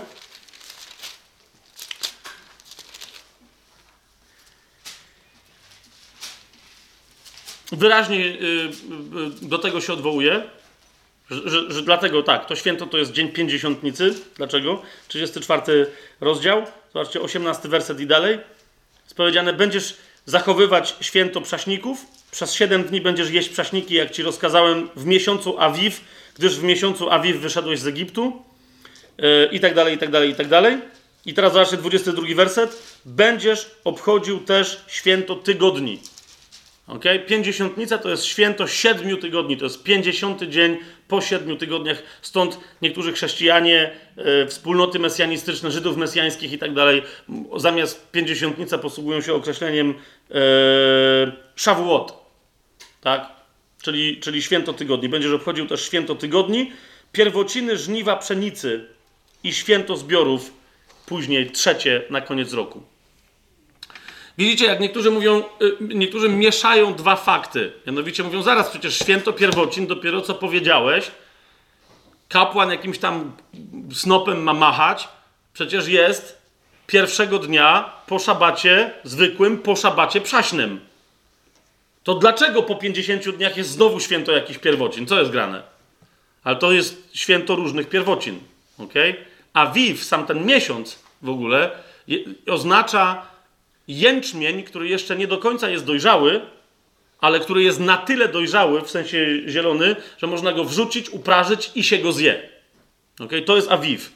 Tak się nazywa cały ten miesiąc. Pierwociny, kiedy Chrystusa nazywamy pierwocinami, to są pierwociny z innego zboża. To zboże to jest jęczmień. Ok? Siedem tygodni, teraz na razie nie będę pokazywać konkretnego tekstu biblijnego, ale tych siedem tygodni, 49 dni aż do pięćdziesiątnicy i przyjścia Ducha Świętego, tych siedem tygodni to są tygodnie żniw jęczmienia, nie pszenicy. Czy to jest jasne? Teraz dzień pięćdziesiątnicy jest dniem dożynek jęczmienia, ale dniem pierwocin, a więc pierwszych zbiorów pszenicy. Słyszycie, co się dzieje, jak już to, jak już to mówię?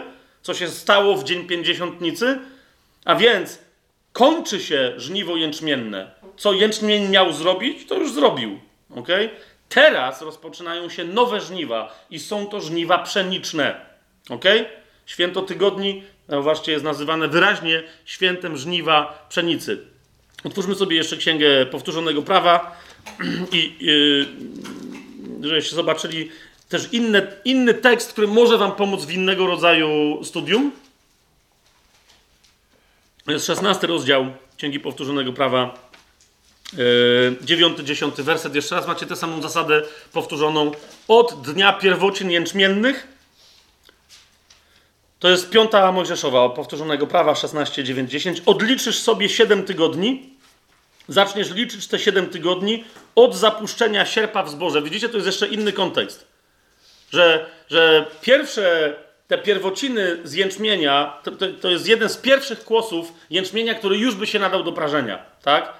Ale, ale ten pierwszy dzień po szabacie, kiedy się kołysze tym, tym kłosem, jest jednocześnie pierwszym dniem, kiedy Słowo Boże mówi zapuszczajcie sierp na żniwo, a jest to żniwo jęczmienia. Macie 7 tygodni, powinniście zrządzić tyle jęczmienia, ile tylko z łaski Bożej się da. Więc jest to, sierp, jest, to, jest, to, jest to czas zapuszczenia sierpa w jęczmień. Potem będziesz obchodzić święto tygodni dla Jahwe, swojego Boga, z dobrowolną ofiarą Twojej ręki, którą dasz stosownie do tego, jak Ci błogosławił Jahwe, Twój Bóg. Święto pięćdziesiątnicy, przyjście Ducha Świętego, dzisiaj tego wątku w ogóle nie będziemy dotykać, kochani, ale jeżeli ktoś jest chrześcijaninem biblijnie wierzącym, jest w kościele i nie rozumie, że jednym z przejawów, nie chcę, nie chcę mocniej, ale jednym z jasnych przejawów działania Ducha Świętego jest dawanie, to niech rozwinie sobie wątek, yy, który jest tylko zaznaczony tutaj w, w 16 rozdziale, w 10 wersecie. Żeby przyjść i otrzymać od Pana dar Ducha Świętego, wtedy, żeby przyjść i otrzymać błogosławieństwo święta tygodni, święta żniw, błogo, żeby, żeby, żeby, żeby otrzymać błogosławieństwo, uważajcie, na żniwo pszenicy, Pan powiedział: przyjdź i z serca, zauważcie, jeżeli nawet istnieje w Starym Testamencie idea dziesięciny, to zauważcie, że w dzień pięćdziesiątnicy ona jest znoszona. Bóg robi zupełnie, w Dzień Pięćdziesiątnicy, nawet w Starym Przymierzu się robiły zupełnie odlotowe rzeczy. Zaraz to jeszcze więcej wam, tego jeszcze więcej wam pokażę. Ale popatrz, jest to wyraźnie. Potem będziesz obchodził święto tygodni dla Jachwę swojego Boga z dobrowolną ofiarą twojej ręki, którą dasz stosownie do tego, jak cię błogosławił Jachwę twój Bóg. Zauważ, nie stosownie do tego, jak ty uważasz, że teraz mam Bogu dać, ale masz rozważyć, jak Bóg tobie pobłogosławił. Twoja, no jest bardzo łatwo powiedzieć, przyjść do Boga i powiedzieć, Boże, dzięki Ci za Twoje błogosławieństwo. Ale Żydzi są praktyczni, bo Duch Święty jest duchem żydowskim, jest praktyczny i mówi, a tam, możesz stać i gadać, że mi bardzo dziękujesz. Czyli ile konkretnie? W pieniądzu. Ile konkretnie? W, w jęczmieniu. Ile konkretnie? Jak bardzo uważasz, że ci pobłogosławiłem? Rozumiesz? I teraz ty wiesz, że Bóg wie, jak ci pobłogosławił. Wiesz o co mi chodzi?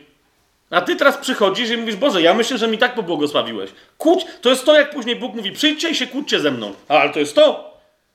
A on cię nie tylko zachęca, rozumiesz, tylko mówi, ale ja się z tą też trochę pokłócę, nie? Bardzo łatwo jest stać i mówić, jak bardzo jesteśmy wdzięczni. Jeżeli Bóg ci błogosławi, to ty tym, czym Bóg cię błogosławi, błogosław innych. Ok? Nie tylko w sensie materialnym. Cieszysz się na przykład e, dobrą społecznością z braćmi i z siostrami i masz naprawdę, bo są, wiecie, różne grupy, kościoły i tak dalej, ale twoja jest dobra, opierasz się na tych ludziach, oni ci pomagają, idź i nieś, rozumiesz, z wdzięczności Bogu i nieś pomoc ludziom, którzy nawet nie wierzą w to, że im się coś takiego należy. I tak dalej. Jasne jest to, to, to co teraz mówię? To jest Duch Święty. To w Starym Przymierzu było jasne, że to jest Duch Święty z dobrowolną ofiarą Twojej ręki, którą dasz stosownie do tego, jak Pan Cię pobłogosławił. Bardzo istotne, bardzo istotne nauczanie z Dnia Pięćdziesiątnicy. Wiecie, dlaczego jest, jest istotne? No, bo, bo, niektórzy tak teraz patrzą, że okej, okay, fajne, fajne nauczanie, Fabian, super, bardzo fajne nauczanie. Rozumiecie, jak tamto grono wierzących przynajmniej 3120 osób. Bo 120 osób było w wieczerniku, na nich stąpił Duch Święty, 3000 osób się nawróciło. Jak oni przyszli do Boga i jak mu podziękowali, jak rozpoznali, że dostali jaką łaskę. Otwórzcie sobie drugi rozdział dziejów apostolskich.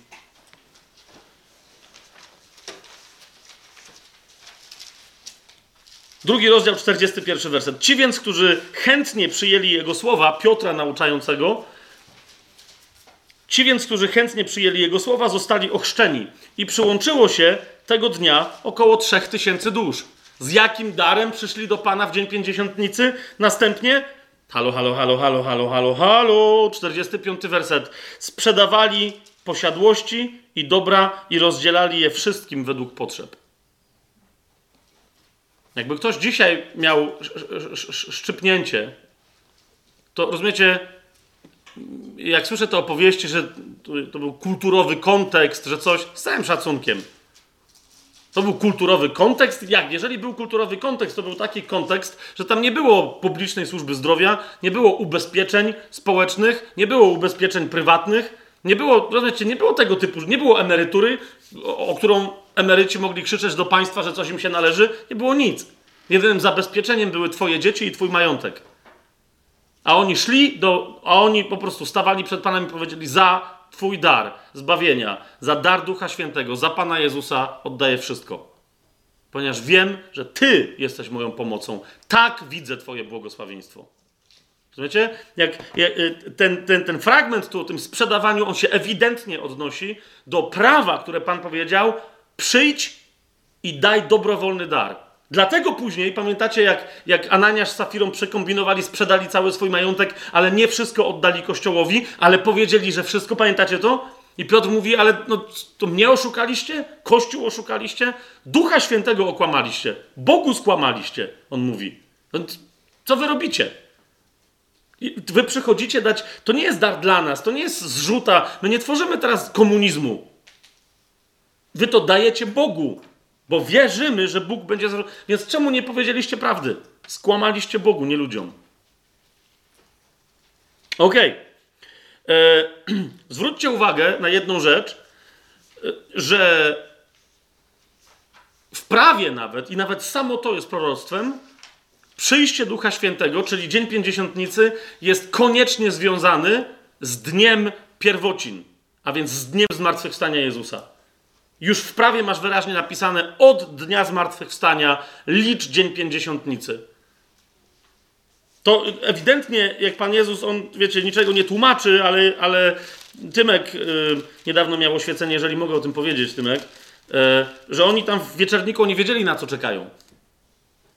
Tak? To jest dokładnie to, co Pan Jezus powiedział. Wy go znacie, Ducha Świętego, ale jeszcze go w was nie ma. Wy go znacie, ale on jeszcze tak przyjdzie, że w was będzie.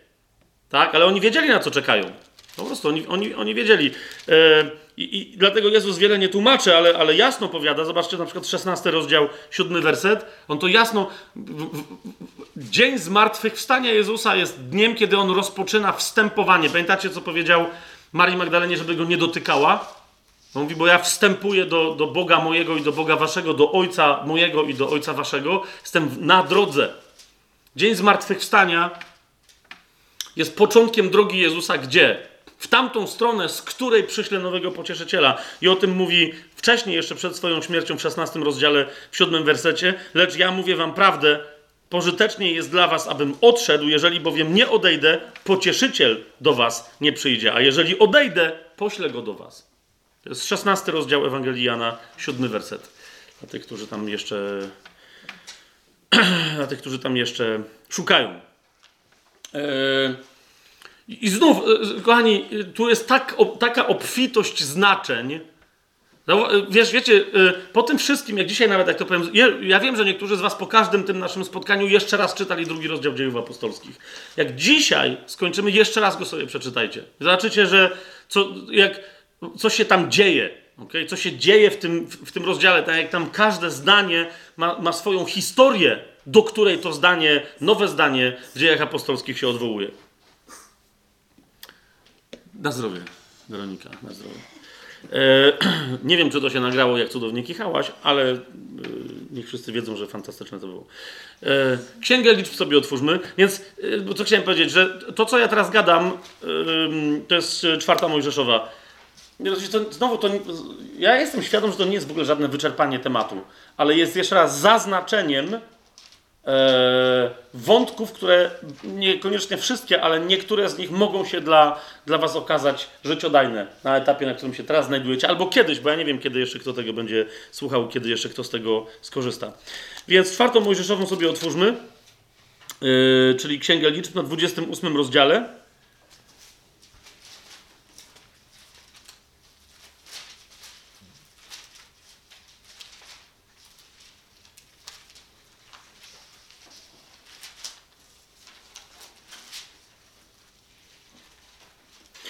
To jest 28 rozdział, 26 werset. E, pamiętacie, było, było zaznaczone, już wcześniej to w innym miejscu czytałem, że w dzień pięćdziesiątnicy składa się, e, był, był przepis, żeby składać w świątyni ofiarę, nową ofiarę pokarmową. Tak? Okej. Okay. A więc yy, czytamy. Yy, to jest 28 rozdział, 26 werset. W dniu pierwocin, ale tych nowych, bo pierwociny jęczmienne są w we wcześniejszych wersetach opisane, w dniu pierwocin, gdy będziecie składać Panu nową ofiarę pokarmową, gdy się wypełnią wasze tygodnie, widzicie? I jeszcze raz wam zwracam uwagę na te tygodnie. Tygodnie to liczenie tygodni, liczenie Omeru 49 dni, 7 razy po 7, 7 tygodni jest niezwykle, niezwykle istotne. Wątek, który polecam, jak ktoś się teraz czuje dotknięty, niech go sobie sprawdzi. Być może nam starczy dzisiaj czasu, to coś nam tam jeszcze pokaże. A, a więc, gdy się wypełnią wasze tygodnie, będziecie mieli święte zgromadzenie. Nie będziecie wykonywać żadnej ciężkiej pracy. I złożycie Jachwę całopalenie na miłą woń, dwa młode cielce, jednego barana, siedem rocznych baranków, a na ich ofiarę pokarmową z mąki pszennej zmieszanej z oliwą, trzy dziesiąte efy na każdego cielca, dwie dziesiąte na każdego barana, po jednej dziesiątej na każdego baranka z tych siedmiu baranków i jednego kozła z kus na dokonanie przebłagania za was.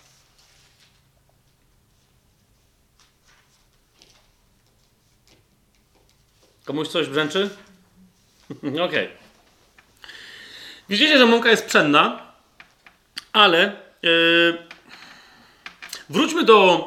Okej, okay. okej, okej, okej. Nic nikomu nie zadźwięczało? Nic się nie, nic się nie stało? Nic się nie stało? Na czym polega nowość tej ofiary? Ktoś z Was zwrócił na to uwagę? Dlaczego to jest nowa ofiara pokarmowa? To jest dziwne, że mieszają mąkę z oliwą? Okej, okay. wróćmy do Księgi Kapłańskiej. Otwórzmy sobie Księgę Kapłańską, 23 rozdział. Dla niektórych z Was, ja pamiętam, że tu jedna osoba kiedyś mi zadała pytanie i ja nigdy na to pytanie nie odpowiedziałem. E, drugi raz to pytanie nie padło, a to dzisiaj ta osoba sobie może przypomni to pytanie, a wreszcie dostanie swoją odpowiedź. Jeszcze raz, Księga Kapłańska, 23 rozdział. Chcę Wam zwrócić uwagę na sensację, która jest e, nawet w, w judaizmie przeoczana jako sensacja, skandal, tam sensacja, skandal religijny. Tylko oczywiście umysły religijne mówią, no dobra, ale taki jest przepis religijny i nie widzą, że to jest skandal. To jest 23 rozdział Księgi Kapłańskiej. Wróćmy do y, y, 16-17 wersetu. Mamy? Mamy? Tak. aż do pierwszego dnia po siódmym szabacie odliczycie 50 dni i wtedy złożycie Jachwę nową ofiarę pokarmową. Przyniesiecie z waszych domów, uwaga, dwa chleby na ofiarę kołysania. Dwa. I teraz uwaga, skandal. Będą one z dwóch dziesiątych efy mąki pszennej upieczone na zakwasie. To będą pszenne pierwociny dla Jachwę. What? Dopiero co było święto, w ramach którego był usuwany kwas. Po czym nowa ofiara pokarmowa ma wprowadzić kwas z powrotem? Co jest grane? Nawet jak wam zaczyna dzwonić, no właśnie, to, to, są dobre miny, które widzę. Co się, co się dzieje? Zobaczcie, jak to było łatwo przeoczyć. Tam mamy inne, mamy inne opisy i tam się. A, co, co się dzieje? Okej, okay, kochani, kochani, kochani. E, otwórzmy sobie Ewangelię Marka. Żeby, wiecie, żeby, żeby mieć naprawdę kontekst pewien szeroki, bo ten kwas jest ważny. Albo zakwas. Ewangelię Marka sobie otwórzmy. I, i wiecie, chcę, chcę, żebyśmy to sobie jasno, jasno usłyszeli. E, bo wiecie, my się czasem śmiejemy z apostołów, ale. Zobaczcie ósmy rozdział.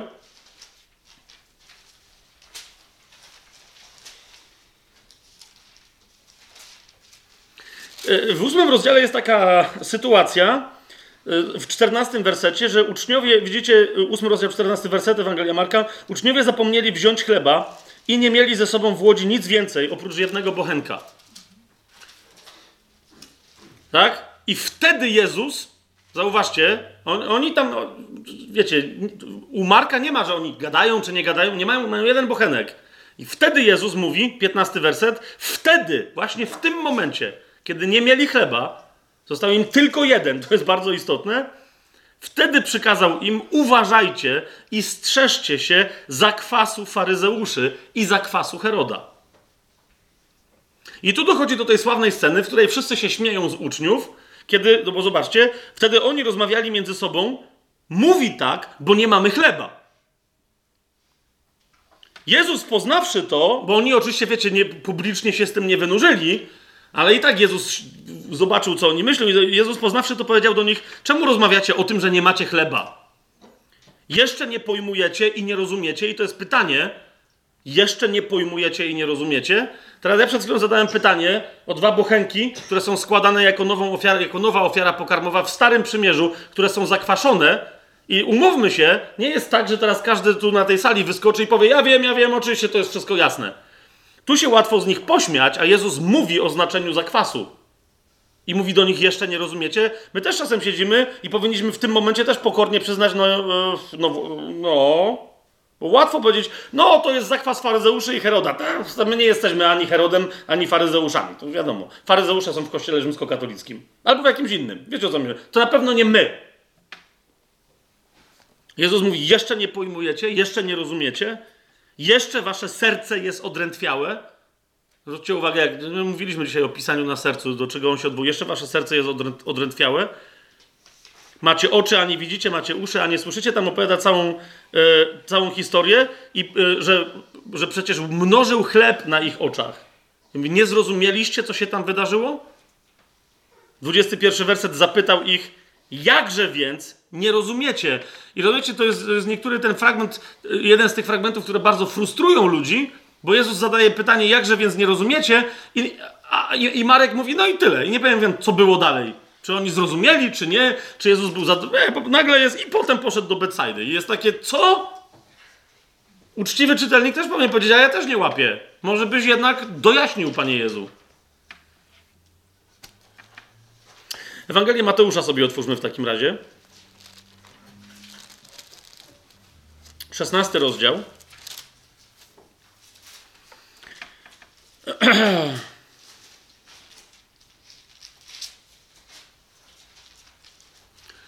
Tam jest interesujący komentarz, który tylko pogłębia niektórych y, myślenie. E, e, komentarz Mateusza, który no, był Żydem, więc był, miał też troszeczkę złośliwy język. I niektórzy sobie myślą, no okej, okay, tu jest sarkazm dosyć poważny. To jest 16 rozdział Ewangelii Mateusza. A propos tego właśnie wydarzenia Mateusz tak komentuje. Jezus mówi, to jest 11 i 12 werset. Jak to jest, że nie rozumiecie, iż nie o chlebie wam powiedziałem, mówiąc, abyście się strzegli zakwasu faryzeuszy i saduceuszy. I Mateusz komentuje, wtedy zrozumieli, że nie mówił, aby się strzegli zakwasu chlebowego, ale nauki faryzeuszy i saduceuszy. I teraz wiecie, jak ja pamiętam kiedyś, jak z dziećmi rozmawiałem i, i dzieci, jak y, mówię, o co chodzi w tym, w, tym, w tym tekście, i jeden gość zaczął się śmiać. Reszta dzieci się patrzy, z czego on się śmieje, a on mówi, ej, oni się bali czegoś w chlebie. I dopiero się kapnęli, że się nie ma co bać chleba. No zobaczcie, co tu jest napisane. Wtedy zrozumieli, że nie mówił, aby się strzegli zakwasu chlebowego. Na jakim oni byli etapie, że rozumiecie, no naprawdę y, Jezus mówi, strzeżcie się zakwasu, a oni mówią, o God, czyli od tej pory nowa dieta. Nie jemy kwaszonego chleba, tylko przaśny. Tylko maca teraz ciśniemy taką i to jeszcze zatwierdzoną przez rabina odpowiedź. Serio? A nagle Jezus mówi, no ale naprawdę? Ja mówię, a nie, czyli nie, czyli jednak mamy się strzec czegoś innego. U faryzeuszy i saduceuszy, czyli także i u Heroda. W Ewangelii Łukasza, jak sobie otworzymy 12 rozdział, zaraz w pierwszym wersecie e, tego 12 rozdziału mamy następującą uwagę, która zdaje się coś wyjaśniać. Tymczasem, gdy zgromadziły się wielotysięczne tłumy, także jedni po drugich deptali, zaczął mówić Jezus najpierw do swoich uczniów. Strzeżcie się zakwasu faryzeuszy, którym jest obłuda. A, okej, okay. no to już, aha, aha. I teraz wszędzie 12 rozdział, Kamil, 12 rozdział Ewangelii Łukasza, pierwszy werset. Wybaczcie, jak za szybko mówię, ale chcę, żebyśmy ogarnęli e, ten temat dzisiaj dosyć sprawnie. No więc okej, okay, czyli obłuda. Okej, okay, zakwas faryzeuszy to jest obłuda, to jest tyle. To jest zamknięte. Hipokryzja. Wszędzie, gdzie Pan Jezus nauczał o hipokryzji, w Ewangelii Mateusza jest tam cały jeden rozdział, temu wręcz więcej niż jeden rozdział, półtorej rozdziału w zasadzie stricte poświęcone temu zakwasowi faryzeuszy, obłudzie i hipokryzji ich, w której żyją. Y, zresztą to było coś, z czym Pan Jezus non-stop walczył.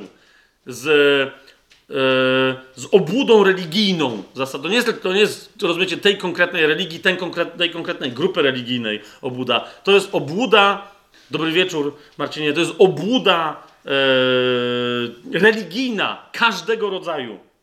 Okay? I na czym ona polega, tam możemy sobie wejść. To Pan Jezus nazywa zakwasem faryzeuszy, Heroda, Saduceuszy. Niemniej przeskoczmy do 13 rozdziału. Ewangelii Łukasza, jak tutaj jesteśmy. Bo jeżeli tak jest, i, i rozumiecie, Żydzi są tak, jak zobaczycie wszystkie komentarze pro, w sensie rabinów, judaistyczne i tak dalej, jak zobaczycie wszystkie komentarze, to, to, to, to zakwas w tych komentarzach jest uważany za zły. Święto przaśników, a więc niezakwaszonego chleba jest tak wielkie, że zakwas jest uważany za symbol zła samego w sobie, grzechu, wszystkiego, co trzeba usunąć. Ok? I teraz niektórzy komentatorzy, widząc tę postawę komentatorów judaistycznych, jak przechodzimy do takiego fragmentu, to jest 13 rozdział, 21 werset, 20 i 21 werset, na, nagle się pojawia pewnego rodzaju ambiwalencja w komentarzach biblijnych. Bo, bo, bo jest coś, zobaczcie. I znowu powiedział oczywiście Jezus, do czego przyrównam Królestwo Boże? Podobne jest do zakwasu, który wziąwszy, kobieta włożyła w trzy miary mąki, a aż wszystko się zakwasiło. Rozumiem? I, i, I jest taki komentarz, że no bo wszyscy wiedzą, że jak się zakwasza ciasto, to co ono wtedy ro, robi? Rośnie, a więc zakwaszone ciasto, że, że rośnie. A więc yy, Królestwo Boże to jest coś co jest jak zakwas włożony w ciasto, które rośnie. No wiecie, ale, ale jak ktoś ma tą koncepcję, no ale kwas jest zły, zakwas chlebowy jest zły, symbolizuje to, co robią faryzeusze. Więc o co tu chodzi? I zaczynają kombinować jakieś dziwne historie. Jakieś bardzo dziwne historie. Jeszcze raz powtarzam, zapominając o tym, że jest zakwas faryzeuszy, saduceuszy i Heroda, ale jest też zakwas, którym się zakwasza nową ofiarę pokarmową w dzień pięćdziesiątnicy i to w starym prawie. Ok? Według mnie Pan Jezus tu mówi o tym nowym zakwasie. Hmm? Szybciutko przeskoczmy do Ewangelii Mateusza. Jeszcze raz wróćmy tam do 13 rozdziału, żeby się sprawa stała jasna i ten zakwas wreszcie, żeby nam się sprecyzował, co to się tam dzieje. Jest cała, cały ciąg w 13 rozdziale przypowieści na temat królestwa. I w 33 wersecie mamy następujący yy, obraz. Opowiedział im jeszcze inną przypowieść. Oczywiście Jezus. To jest Mateusza 13:33. Opowiedział im jeszcze inną przypowieść. Królestwo niebieskie podobne jest do zakwasu, który kobieta wzięła i włożyła w trzy miary mąki, aż wszystko się zakwasiło. I tyle, rozumiecie? To jest drugi raz, kiedy Pan Jezus mówi, że ta podobne jest do królestwo i, i, i, czasem mówi podobnie i wy, albo coś tam, a tu jest takie, królestwo jest jak zakwas, trzy miary mąki, buch, dobra, do widzenia, idziemy dalej. Albo, Marcin, dobry wieczór i tak, nie, nie ma, ale idziemy dalej, nie ma żadnego komentarza. I niektórzy mówią, to nie o to chodzi, że wzrost, że, że co, yy, ale jeszcze raz, jeszcze raz, tym wszystkim komentatorom, jeżeli ktoś z was ma też tę taką nie pro Izra... nie probiblijną, prohebrajską, ale projudaistyczną tendencję teologiczną, żeby dzisiejszy, z dzisiejszych komentarzy, wszystkich bezkrytycznie talmudycznych, zwłaszcza z Miszny i tak dalej, i tych współczesnych z, z komentarzy rabinicznych korzystać, mówię, okej, okay, ale zwróćcie uwagę na to, że bardzo często tam się miesza w tym komentarzu tradycja ludzka, religijna, właśnie tradycja faryzeuszy w komentarzach biblijnych, która odchodzi daleko od tego, o czym mówi pismo. Tak, jest jeden rodzaj zakwasu, o którym Jezus mówi: strzeżcie się go, chlebowego zakwasu, faryzeuszy, saduceuszy i Heroda. Jezus mówi: strzeżcie się go. Tak, jest całe święto poświęcone usuwaniu kwasu z domu, ale jeszcze raz istnieje inne święto, kolejne, które wprowadza zakwaszony chleb jako nowy pokarm. Jezus mówi, że, kobie, że królestwo jest jak zakwas, który kobieta wzięła i co zrobiła? Hmm? No macie tam trzynasty. Co? Wzięła i włożyła w trzy mionki, aby Włożyła w co? w trzy miary mąki. No okej, okay, księga liczb, jeszcze raz, księga liczb. 28 rozdział. 26 werset.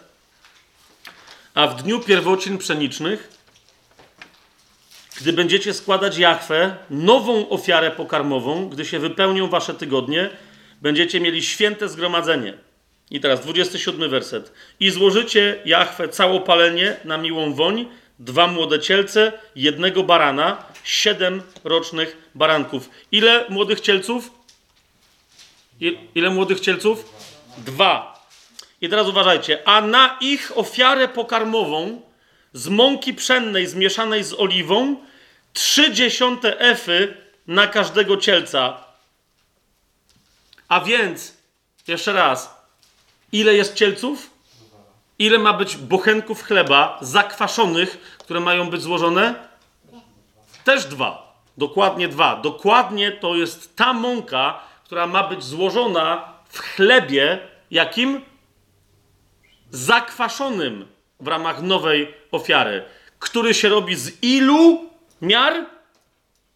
Z trzech dziesiątych efy. Widzicie to?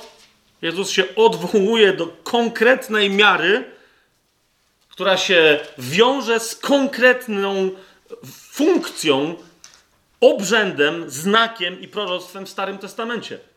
Ok? Jezus mówi, że Królestwo Boże przerównam do tego zakwasu, którym się kwasi, tak twierdzę, tak, tak według mnie to dość jasno z tego wynika, którym się zakwasza kwaśne chleby, a nie przaśne na ofiarę w dzień pięćdziesiątnicy. Czy zgodzicie się, się ze mną, że, że to tu, tu w sposób konkretny się pojawia? Jeszcze raz, gdyby ktoś nie pamiętał, ten najistotniejszy fragment to jest Księga Kapłańska, 23 rozdział. 17 werset. Przyniesiecie z waszych domów dwa chleby na ofiarę kołysania. Będą one z dwóch dziesiątych efy mąki pszennej upieczone na zakwasie. To będą pierwociny dla Pana. Dlaczego to są dwie dziesiąte? No, teraz nie będziemy tego rozważać. Gdzie jest efa, gdzie jest coś i co się tam, co się tam, e, co się tam poplątało. ok? Zakwaszone chleby w dzień pięćdziesiątnicy oznaczają yy, dwie rzeczy. Okay? Ten nowy kwas jest kwasem Ducha Świętego. Czym jest kwas faryzeuszy? Jeszcze raz, dlatego mówiliśmy ostatnio, całe spotkanie poświęciliśmy na prawo. Prawo, które jest zewnętrzne, jedyne co robi, to demonstruje grzech i pokazuje go ludziom. prawo, które jest wypisane na zewnątrz, które jest narzucane na ludzi, jest czymś, co zabija. I to jest coś, co wyrzuca faryzeuszom Pan Jezus. Mówi, że nakładacie na ludzi ciężary, których nie mogą udźwignąć, a sami ich palcem nie chcecie tknąć. Pamiętacie to? To jest to. To jest stary kwas. Że ludzie nawzajem narzucają sobie religię i mówią, tak nie wolno się ubierać, tak nie wolno, tego nie wolno jeść, tego nie dotykaj, tamtego nie kosztuj. To, z czego się potem Paweł śmieje w liście do Kolosan. Jeszcze raz, nie miałem tego cytować, ale, ale, ale zacy, zacytujmy to żeby, żeby to jasno zabrzmiało, tak? Właśnie nie z ust Pana Jezusa, tylko, tylko z ust faryzeusza, który świetnie wie, jak to smakuje, że się tak wyrażę. Świetnie wie, jak to, jak to smakuje. To jest list do Kolosan, drugi rozdział, 20 werset i dalej. Paweł mówi: Jeżeli więc umarliście z Chrystusem dla żywiołów tego świata, to dlaczego, jakbyście jeszcze żyli dla świata, poddajecie się nakazom? Nie dotykaj, nie kosztuj, nie ruszaj. To wszystko niszczeje przez używanie według przykazań i nauk ludzkich. Znaczy nie niszczeje przez, tylko mówi, że to wszystko niszczeje przez używanie, to jest tylko tyle. A wy się poddajecie według przykazań i nauczania ludzkiego. Mówi, mają one tylko pozór mądrości w religijności według własnego upodobania. Jeszcze raz, religijność, religijność według własnego upodobania. Jezus faryzeuszom zarzucał, macie swoje tradycje i tych tradycji się trzymacie. Saduceuszom mówił, usuwacie pewne fragmenty z pisma jako nienatchnione, żeby nie musieć się odnieść do pewnych rzeczywistości, które was konfrontują. Żeby nie. Wy, wszyscy chcecie się usprawiedliwić przestrzeganiem prawa, tak jak je sobie ustawiliście. A w tym wszystkim chodzi o relację z żywym Bogiem. Duch Święty przychodzi jako nowy zakwas. Duch Święty przychodzi nie z prawem zewnętrznym, ale jeszcze raz, z prawem wypisanym od środka. To jest pierwsze znaczenie tego zakwasu. I to daje wzrost. Duch Święty daje wzrost temu ciastu, które jest kościołem wchłaniającym wszystkich i prowadzącym, bo Kościół zmierza jako, jako stado Boże, jako stado pańskie Jezusa, jako arcypasterza, zmierza do królestwa. I dlatego Jezus mówi: Przyrównam królestwo do tego. Przyjdzie Duch Święty i te nowe chleby zakwasi, ale one będą zakwaszone nowym kwasem, a nie starym. Ten nowy kwas powoduje wzrost. Ktoś powie, no ale zakwas to jest zawsze zakwas. Zgadza się, ale tamten zakwas, tamten stary, kwasi ciasto tak, że się go nie da jeść, jest trujące. Ten nowy powoduje wzrost i dostajesz dobre, rozrośnięte ciasto, które jest smaczne, gdy się je upiecze. I dlatego zwróćcie uwagę, bo niektórzy mówią, no ale Paweł w pierwszym do Koryntian mówi, żeby usunąć kwas, czyli on jednak jakoś nie widzi tej interpretacji. Z całym szacunkiem, każde słowo w Piśmie Świętym się liczy. Pierwszy do Koryntian, piąty rozdział. Siódmy werset. Jeszcze raz przeczytam, myśmy tu czytali, ale teraz w tym kontekście zakwasu Jezus, Paweł nie mówi, żeby usuwać zakwas, ale co? Piąty rozdział, siódmy werset. Usuńcie więc co? Stary zakwas. Usuńcie stary zakwas. Stary zakwas usuwa się przez ofiarę śmierci i zmartwychwstania Chrystusa przez ofiarę krwi baranka. I dlatego w tym kontekście mówi, jak się usunie stary zakwas, to co się wtedy dzieje? No to w takim razie po krwi baranka, po pasrze są co? Przaśniki. A więc kto przeszedł przez krew baranka, wszedł w przaśniki i jest przaśny. I Paweł o tym mówi. W tym kontekście, wobec starego zakwasu, przestańcie być obłudni religijnie i bądźcie przaśni. Ale jeszcze raz, przaśny chleb następnie musi być na powrót zakwaszony czym? Nowym kwasem, ponieważ pięćdziesiątnica jest po przaśnikach i po pierwocinach jęczmiennych. Żeby rozpoczęło się żniwo pszeniczne, musi się pojawić nowy zakwas i o tym nowym zakwasie według mnie Pan Jezus, e, Pan Jezus opowiada. Jasne? Jeżeli się ktoś y, nie zgadza z tym, y, nie wiem dlaczego, ale to sobie możemy później, chociaż nie widzę tu, żeby, ale okej. Okay. Jakby nawet to, to, to później o tym będziemy rozmawiać. Teraz jeszcze następne znaczenie tego, że się dwa zakwaszone chleby ofiarowuje w Dzień Pięćdziesiątnicy. Ja już o tym ostatnio nieco wspomniałem, ale teraz zobaczcie, jeszcze raz będzie jeszcze nowszy, jeszcze głębszy kontekst. To jest drugi rozdział listu do yy, Efezjan.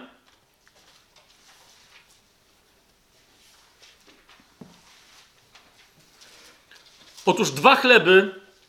Ciekawe, że akurat na przykład jest to jedna z takich kwestii, gdzie w zasadzie nikt się o to nie kłóci e, na przykład we wspólnotach mesjańskich tam się o różne rzeczy ludzie spierają, nie chodzi, może nie kłócą, ale tam jakieś mają różnice w rozumieniu, co do tego wszyscy mają jasność, że dwa chleby oznaczają e, Izraela i pogan, którzy tu są składani w jednej ofierze, a że są zakwaszeni, Czyli mówią, no to może być kwas Ducha Świętego, to może też być kwas, e, który demonstruje, że, że przed obliczem Bożym, czy ktoś pochodził z Izraela etnicznego, czy, czy z pogan, tak czy siak jest winny. I jeżeli nie wyzna Chrystusa jako Pana, to nie znajdzie pokoju. Tak? Tak czy siak, niezależnie od tego, jak tam kto będzie mieć głęboką interpretację, te dwa chleby pokładne ewidentnie, te, te, te, te wiecie, te, te, te, te, te dwie rzeczywistości, które stają się jedną w jednej ofierze, ewidentnie Paweł yy, opisuje w liście do Efezjan w drugim rozdziale, w czternastym wersecie i dalej, gdzie pisze On, czyli Chrystus Jezus, bowiem jest naszym pokojem. On, który z obydwu uczynił jedno – i zburzył stojący pośrodku mur, który był przegrodą, znosząc przez swoje ciało nieprzyjaźń, prawo przykazań wyrażone w przepisach, aby z dwóch, z dwóch stworzyć w samym sobie jednego nowego człowieka, czyniąc pokój.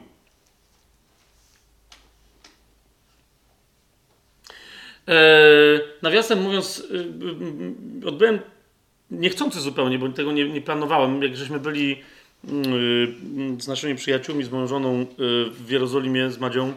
E, spotkaliśmy się, to było Boże zrządzenie, bo, bo, bo ani on mnie nie szukał, ani ja jego, nie? Z, z rabinem, nauczycielem jednej e, szkół we wspólnotach mesjańskich, nawróconym rabinem, biblijnie wierzącym w Jezusa jako Mesjasza, jako Boga i tak dalej.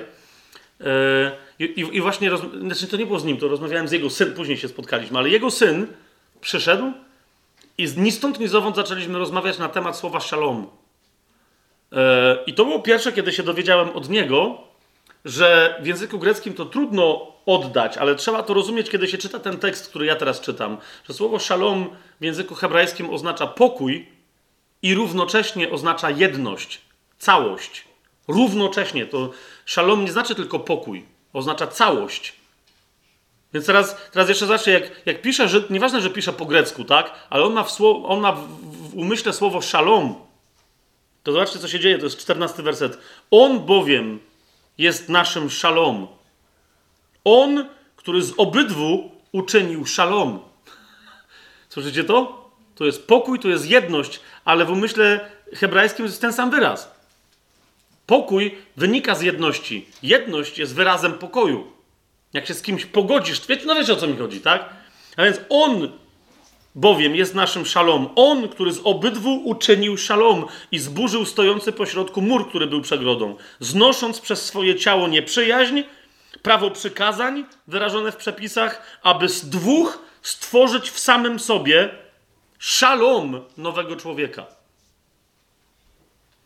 Jednego albo jedno nowego człowieka. Hmm? Czyniąc szalom.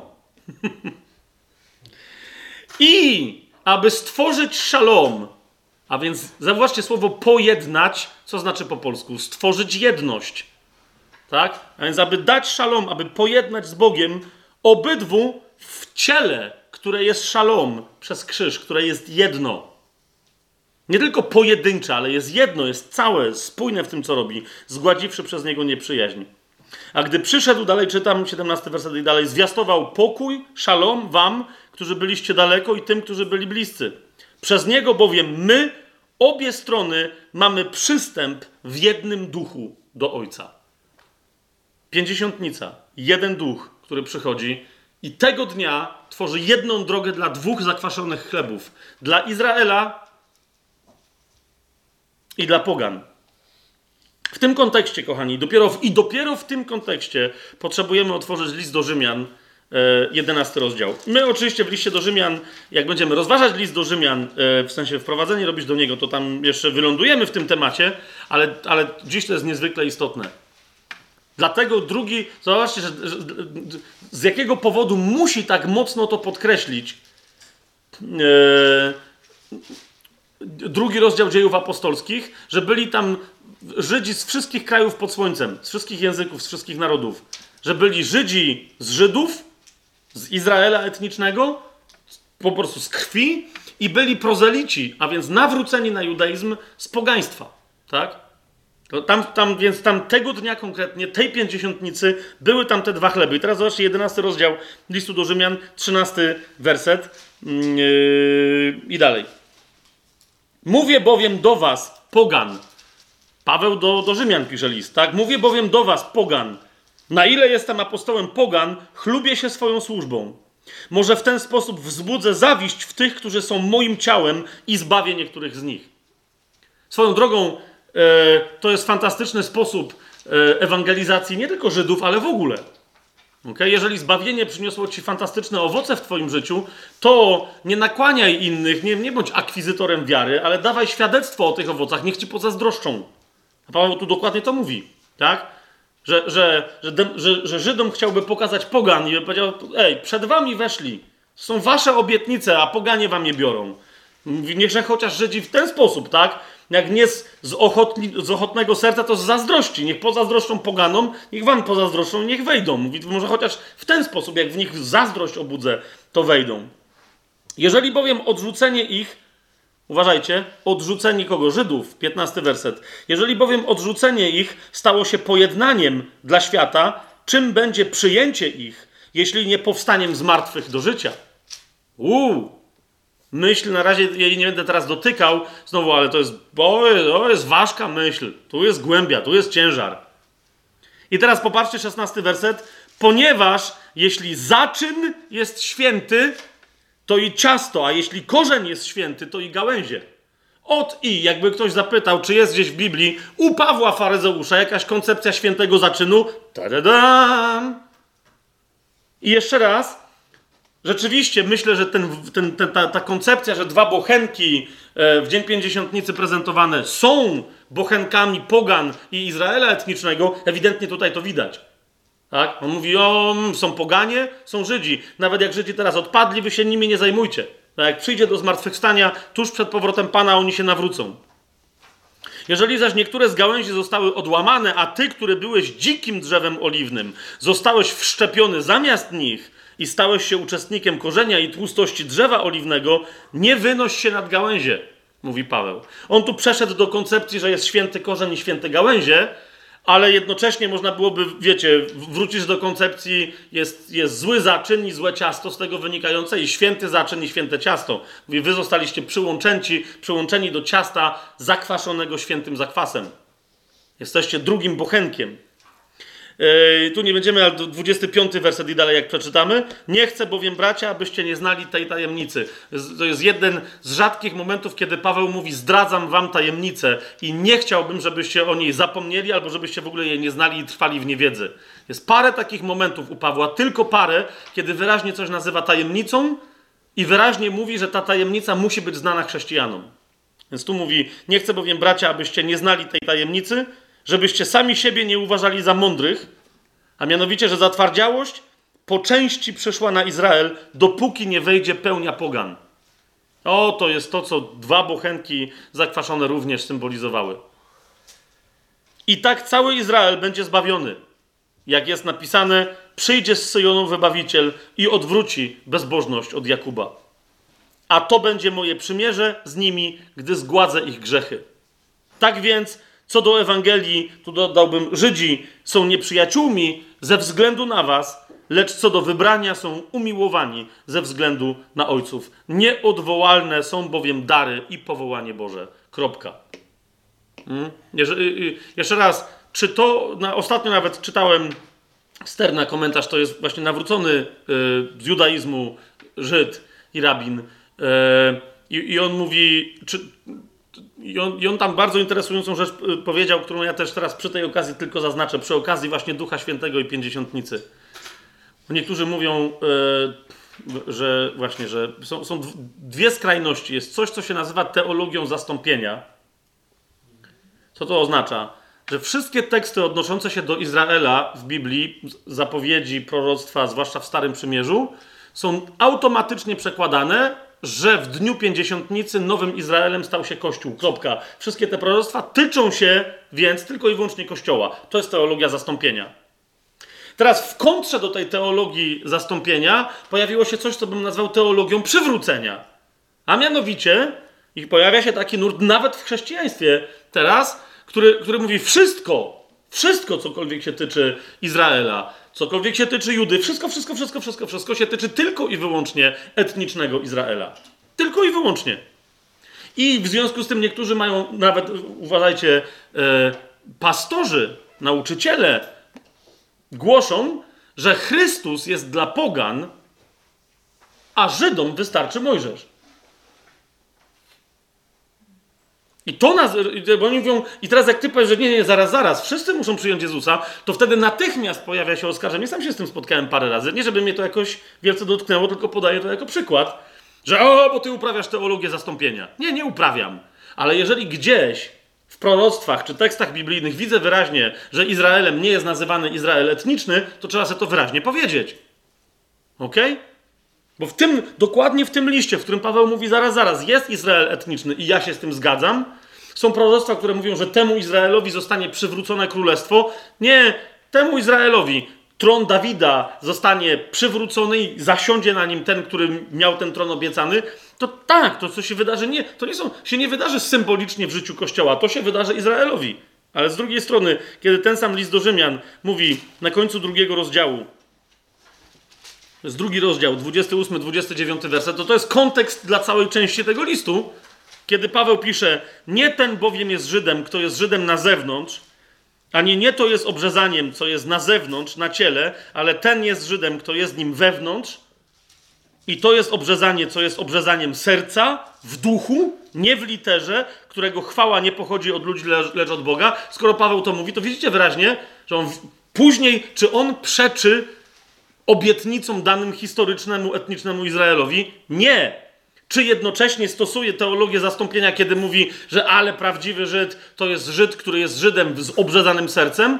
Nie, nie stosuje teologii zastąpienia. Wprowadza tylko właściwą, yy, właściwą granicę, co czego się tyczy. I mówi wyraźnie, jeżeli Żyd etniczny chce mieć udział w Królestwie Bożym, jest wezwany, bo był wezwany wcześniej niż poganie, do tego, żeby dać sobie obrzezać serce aby wyznać Chrystusa Mesjaszem i Panem, tak jak wszyscy inni. Aby wyznać, że to Chrystus, że to On jest Mesjaszem i Panem, a nie, że Mojżesz jest zbawcą. Że, jest, że On jest Mesjaszem i Panem. Przez chrzest, przez to wyznanie, potem przez chrzest, przez przyjęcie Ducha Świętego dać sobie obrzezać serca i rozpocząć yy, nowe życie. I, I jeszcze raz, co innego miałoby znaczyć, jeżeli nie to właśnie w drugim rozdziale dziejów apostolskich, że tam powrócę, kiedy Piotr krzyczy, Piotr też stosuje teologię zastąpienia. Zauważcie, tu jest wyraźnie powiedziane, że z wszystkich krajów języków pod słońcem, ale że są Żydzi albo wyznawcy judaizmu, tak? Ale głównie są tam kto? Żydzi. A Piotr w, w kulminacji swojego głoszenia woła, to jest drugi rozdział dziejów apostolskich, 36 werset. Niech więc cały dom Izraela wie, kto ma wiedzieć? Dom Izraela tak? Niech więc cały dom Izraela wie z pewnością, że tego Jezusa, którego wy ukrzyżowaliście, Bóg uczynił i Panem, i Chrystusem. Ok? Jak potem ci się pytają przerażeni, mówią, to co mamy robić, mężowie bracia? Piotr powiedział do nich do kogo? Do całego domu Izraela. Niech cały dom Izraela wie z całą pewnością, tak? Więc dom Izraela się go pyta, co mamy zrobić? A on im odpowiada, 38 werset, Pokutujcie i niech każdy z was ochrzci się w imię Jezusa Chrystusa na przebaczenie grzechów, a otrzymacie dar Ducha Świętego. Amen? Tyle. To jest, to jest cały, no rozumiecie, gdzie rzeczywiście nieprawnie wchodzi teologia, która w miejscach ewidentnych obietnic dla Izraela etnicznego widzi symboliczne obietnice dla Kościoła, co się zaczęło głównie zasadniczo od um, Augustyna z Hippony, który stwierdził, państwo Boże, te wszystkie jego koncepcje, że nie ogóle Izrael się nie liczy.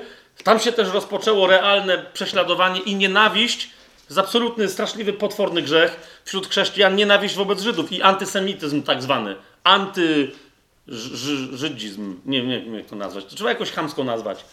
To jest, w ogóle nie postawa mentalna i postawa serca w ogóle nie do przyjęcia. Ale to się tam zaczęło. A, okej. Okay. Czyli jeżeli Żydzi teraz nie weszli do kościoła, to są chamy zbolałe i należy ich nienawidzić i tępić, gnoić wszędzie w całej Europie.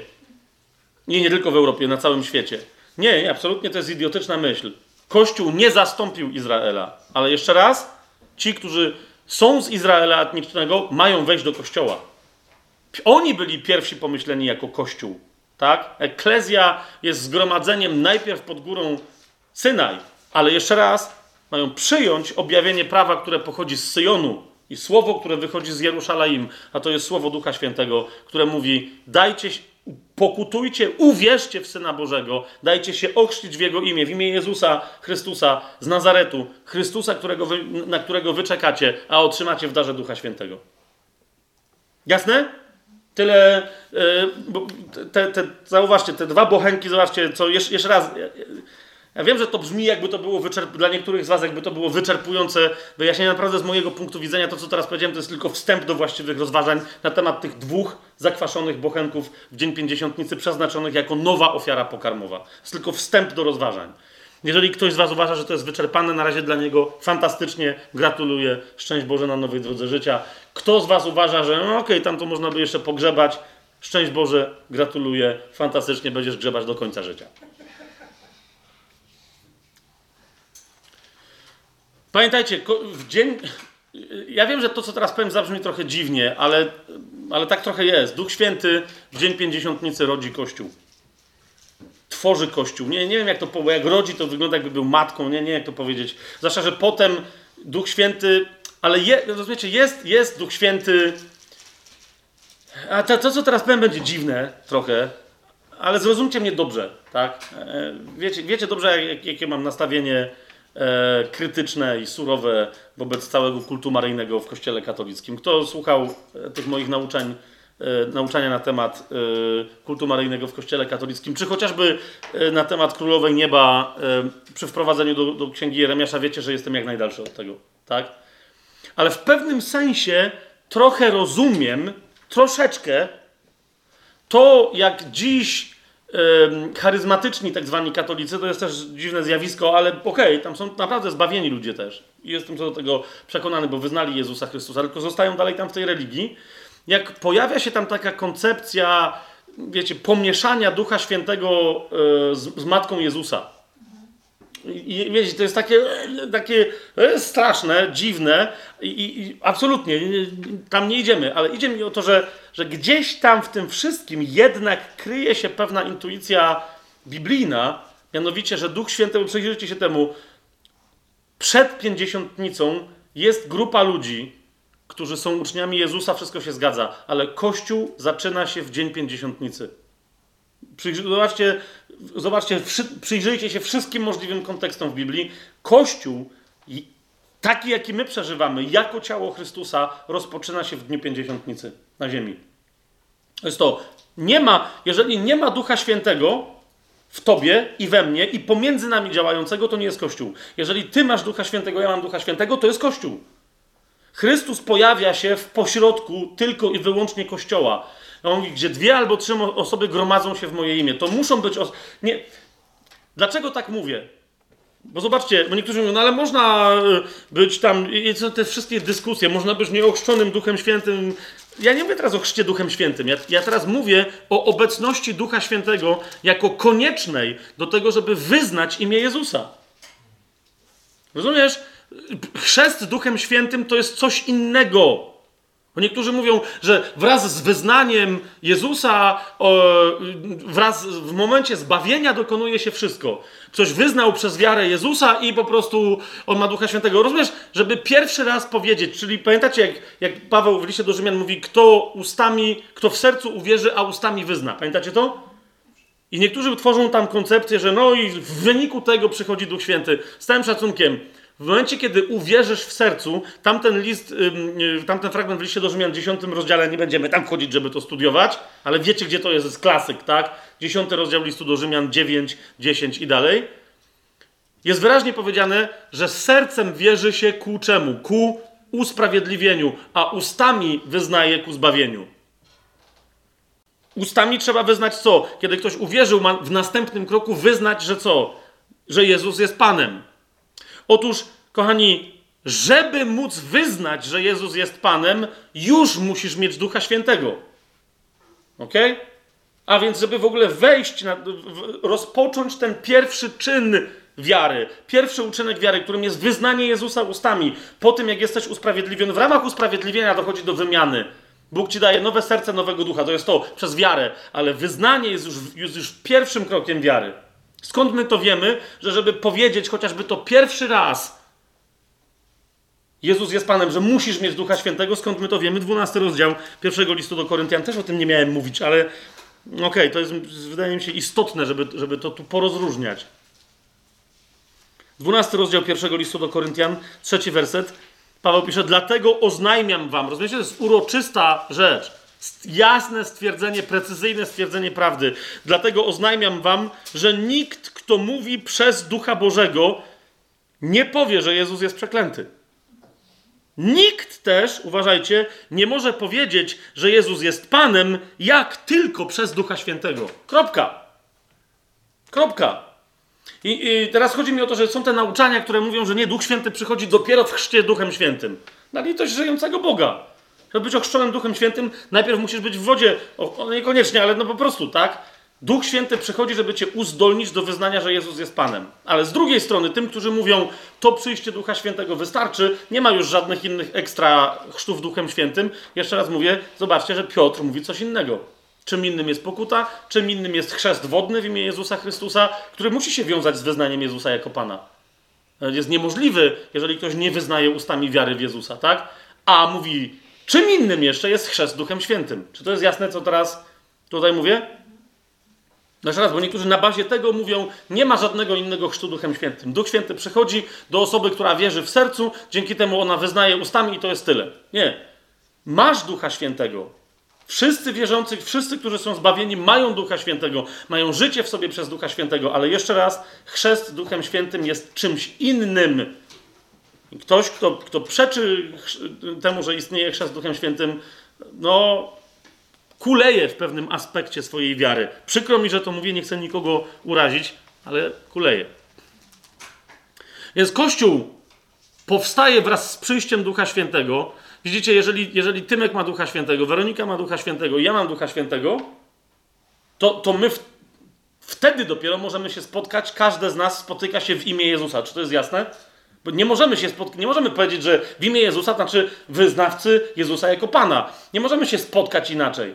A więc no, widzicie, Jezus jest obecny na świecie tylko tam, gdzie się gromadzą ci, którzy są zbawieni przez Jego imię, którzy wyzwali Jego imienia i którzy są w Duchu Świętym połączeni.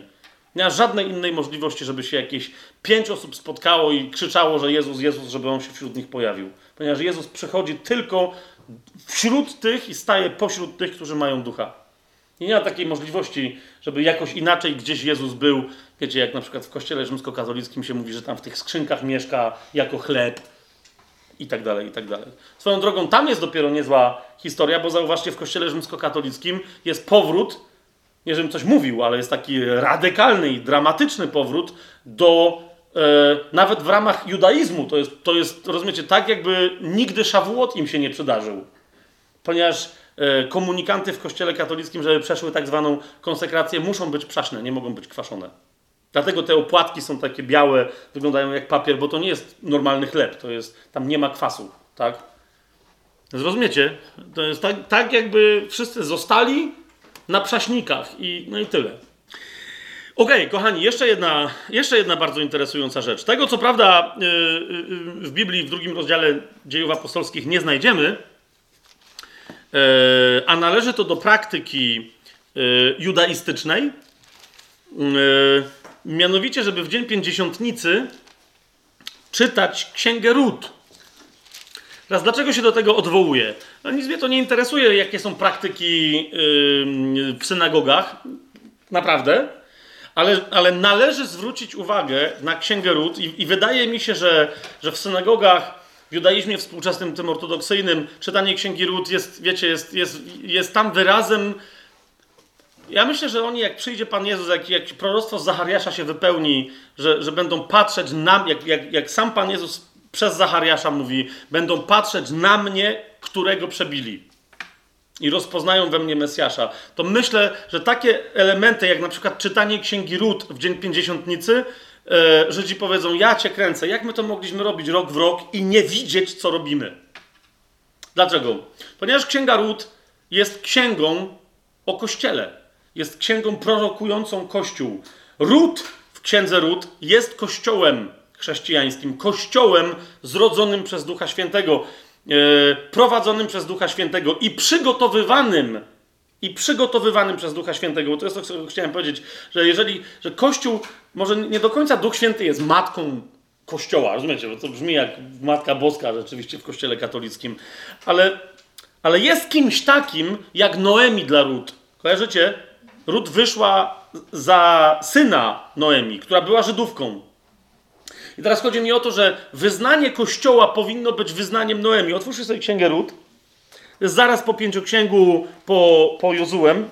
Dlatego, że Rut, pamiętajcie, była babką Dawida, więc to musi być księga, która jest przed księgami historycznymi, tak?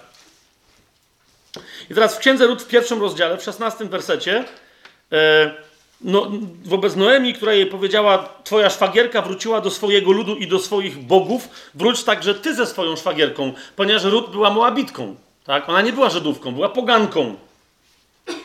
Na co Rut wyznaje, to jest cały szesnasty werset jej wyznania, nie nalegaj na mnie, abym cię opuściła i odeszła od ciebie, gdziekolwiek bowiem pójdziesz i ja pójdę, a gdziekolwiek zamieszkasz i ja zamieszkam. Ale tu jest ewidentnie wyznanie, które powinno być wyznaniem Kościoła.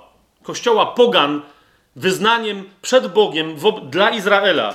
Twój lud, Noemi, twój lud będzie moim ludem, a twój Bóg będzie moim Bogiem. Dlatego chociażby z tego to jest proroctwo. Dlatego ród jest figurą, taką dosłownie jest figurą Kościoła. Zwłaszcza, że jest tu kobietą. Kobietą do tego, gotową do tego, żeby wyjść za mąż i ona ostatecznie wychodzi za mąż. Za kogo? Za odkupiciela. Fizycznie, tak? Za odkupiciela, za krewnego odkupiciela. Wychodzi za mąż za Żyda, który jest odkupicielem. Tak jak Kościół ma wyjść za mąż za Chrystusa. Znaczy, już jest żoną, tak? Ale, ale my czekamy cały czas jeszcze, bo jesteśmy zaślubieni jako Kościół, ale czekamy na wesele baranka. Tak? Więc jeżeli mamy w Księdze Objawienia, szybciutko tam, zaraz wrócimy do ród, w Księdze Objawienia yy, w 19 rozdziale, w siódmym wersecie i dalej, powiedziane, cieszmy się i radujmy i oddajmy mu chwałę, bo nadeszło wesele baranka, a jego małżonka się przygotowała, to małżonka jest przygotowana przez Ducha Świętego. Skąd o tym wiemy?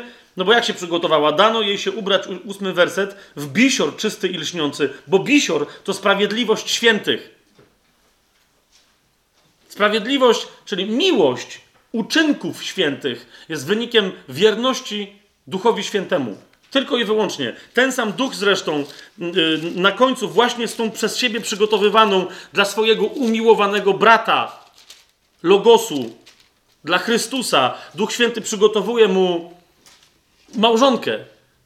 I razem z nią też woła, zobaczcie 22 rozdział 17 werset, a duch i oblubienica, czyli żona Pana Jezusa, a duch i żona Chrystusowa, żona baranka mówią przyjdź.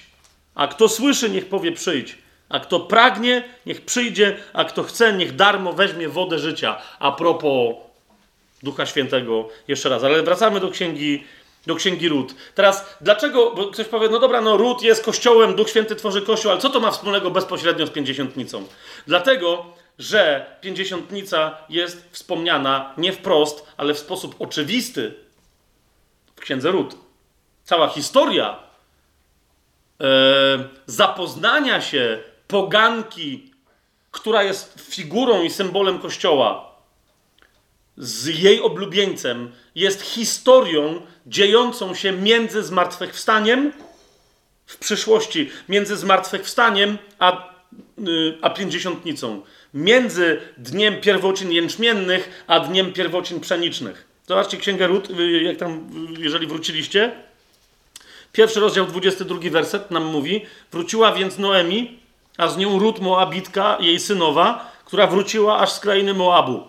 A przyszły do Betlejem, gdzie się narodził Pan Jezus?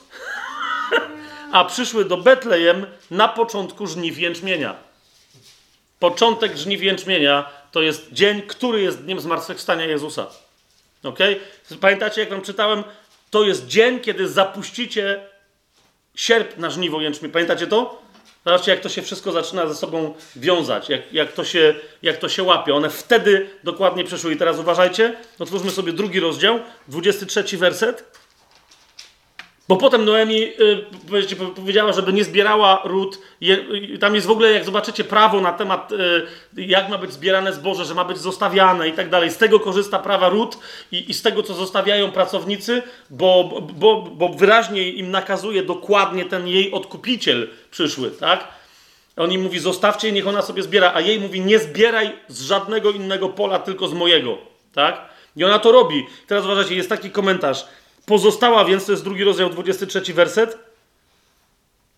Pozostała więc ze służącymi Boaza, bo to, bo to jest imię tego krewnego odkupiciela, w tej historii pozostała więc ze służącymi Boaza i zbierała kłosy, dopóki nie skończyły się żniwa jęczmienia i, przemi- i pszenicy, a mieszkała ze swoją teściową. Mamy jedne i drugie żniwa. Pojawiły się w dniu, który później jest dniem zmartwychwstania Chrystusa, przeszła przez dzień pięćdziesiątnicy, który jest początkiem żniw pszenicy i została aż do ich końca. Co jest na końcu? Na końcu jest wesele. na końcu jest wesele w tej księdze. To jest, to jest... Więc jeżeli ta księga jest, no to jeszcze ona nam wiele powinna powiedzieć, jak my jako Kościół powinniśmy funkcjonować. Hmm? Ale tylko tyle. Dziś yy, Żydzi w każdy dzień w każdy szawuot, każdy dzień tygodni, w każdą pięćdziesiątnicę czytają całą księgę Rut. No nie, żeby ona jakaś, jakaś wielka była, ale wciąż, rozumiecie, no nie jest tak jak w kościele katolickim, tak? Coś tam, coś tam, oto słowo pańskie, nara, trzy minuty po robocie. Czytają całą księgę Rut od początku do końca. I tak naprawdę z wyjątkiem tego, że mówią, no bo tutaj też jest, no ale jak zapytasz dalej, to hej, to są żniwa, ale nie ma pięćdziesiątnicy stricte. To po co w dzień pięćdziesiątnicy czytacie księgę Rut? To nie wiedzą. To po prostu nie wiedzą. Ale my wiemy. To jest dzień pięćdziesiątnicy. Idziemy dalej. E, Księga Wyjścia, 23 e, rozdział, czyli, czyli, czyli druga Mojżeszowa, Księga Wyjścia, 23 rozdział, 16 e, werset.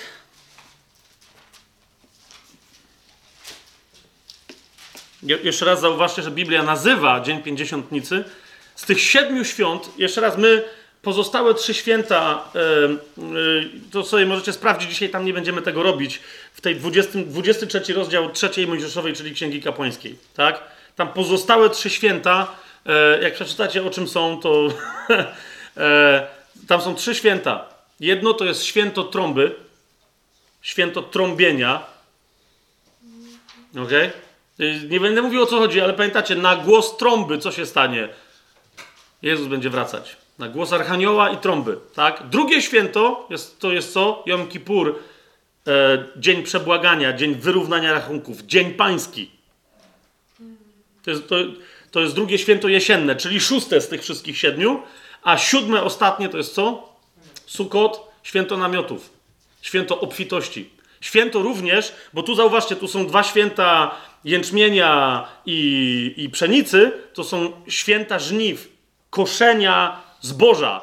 A Sukot, obczajcie, jest świętem cieszenia się owocami. ok? Pod namiotami. Pod namiotami Mesjasza. W zamieszkiwaniu u króla. Tysiącletnie królestwo. Więc to jest jeszcze przed nami. Tam, a jak wejdziecie w tamty. Kochani, przyniosłem ze sobą książkę, tak? Że, zanim pójdziemy dalej. Yy, ona nie wyczerpuje wszystkich tematów, ale. Yy, ale jest dobra, jeżeli chcecie się zapoznać, yy, troszkę więcej postudiować, poinspirować. Jest książka, która się nazywa Mesjasz w świętach Izraela. Mesjasz w świętach Izraela. Yy, tu właśnie te święta dokładnie, tu nie chodzi o wszystkie, nie ma tu chyba święta Purim, z tego co pamiętam, ale są właśnie dokładnie te, nie jest święto Purim też, okej. Okay. Dalej jest wyjaśnione, które są z, tych, z tej 23, 23 rozdziału Księgi Kapłańskiej. Autorem jest Sam Nadler. Eee, I jak o nim mówią, jak o wielu dzisiaj Żydach, znak czasu jest Żydem, który się nawrócił i uwierzył e, w Jezusa. Wydało to wydawnictwo, nie wiem czy to jest wydawnictwo czy co, dobryskarbiec.pl Warszawa 2017, więc to jest to dosyć świeża pozycja. Nie, nie pamiętam niestety, jak się nazywa y, książka, bo wyszła też taka rozmowa z, z polskim, rozumiem, że znawcą dobrym judaizmu, y, chyba nawet byłym Żydem, który się nawrócił na, y, i uwierzył w Pana Jezusa. To jest taki ogromny wywiad rzeka na temat świąt izraelskich, który przeprowadziła pani niedawno, dosłownie na dniach zmarła pastorowa Alina Wieja. Nie pamiętam, jak się nazywał ten, wybaczcie mi, no co się teraz nagrywa i jest tylko wstyd, ale chodzi mi o to, że ani nie pamiętam, jak się ten drugi współautor nazywał, z którym ona rozmawiała i jak się ta książka nazywa, jakby ktoś szybko sprawdził, to, to wtedy dodam, żeby to było na nagraniu gdzieś tam w internecie. I to jest też, to jest też dobra książka, tak? To jest, to jest, to jest polski wkład. Natomiast... Yy, Natomiast y, tę książkę mam sam Nadler, Mesjasz w Świętach Izraela. Gdyby ktoś potrzebował, teraz się czuje zainspirowany, to niech znajdzie tę książkę tam tam pogłębienie odpowiednie znajdzie tego tematu. Kochani, mm, kolejne bardzo istotne znaczenie e, pięćdziesiątnicy. Tak? Oprócz tego, że to są pierwociny pszenicy, to jest też początek żniwa. Początek żniwa jakiego? Żniwa pszenicznego.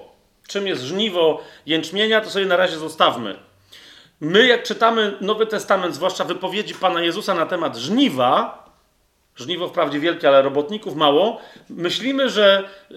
Takie mam wrażenie, że my w kościele myślimy, że jest jedno żniwo. Za każdym razem, jak Biblia mówi o żniwie, to ma na myśli jedno tylko żniwo. Żniw jest więcej.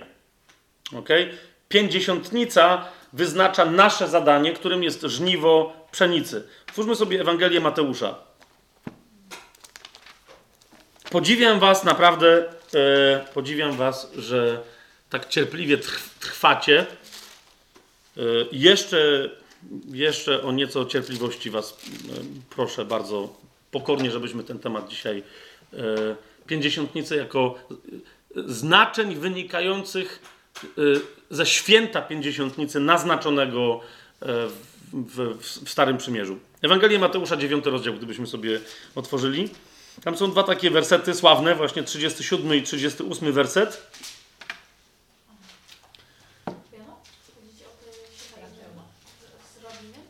Tak, tak, tak.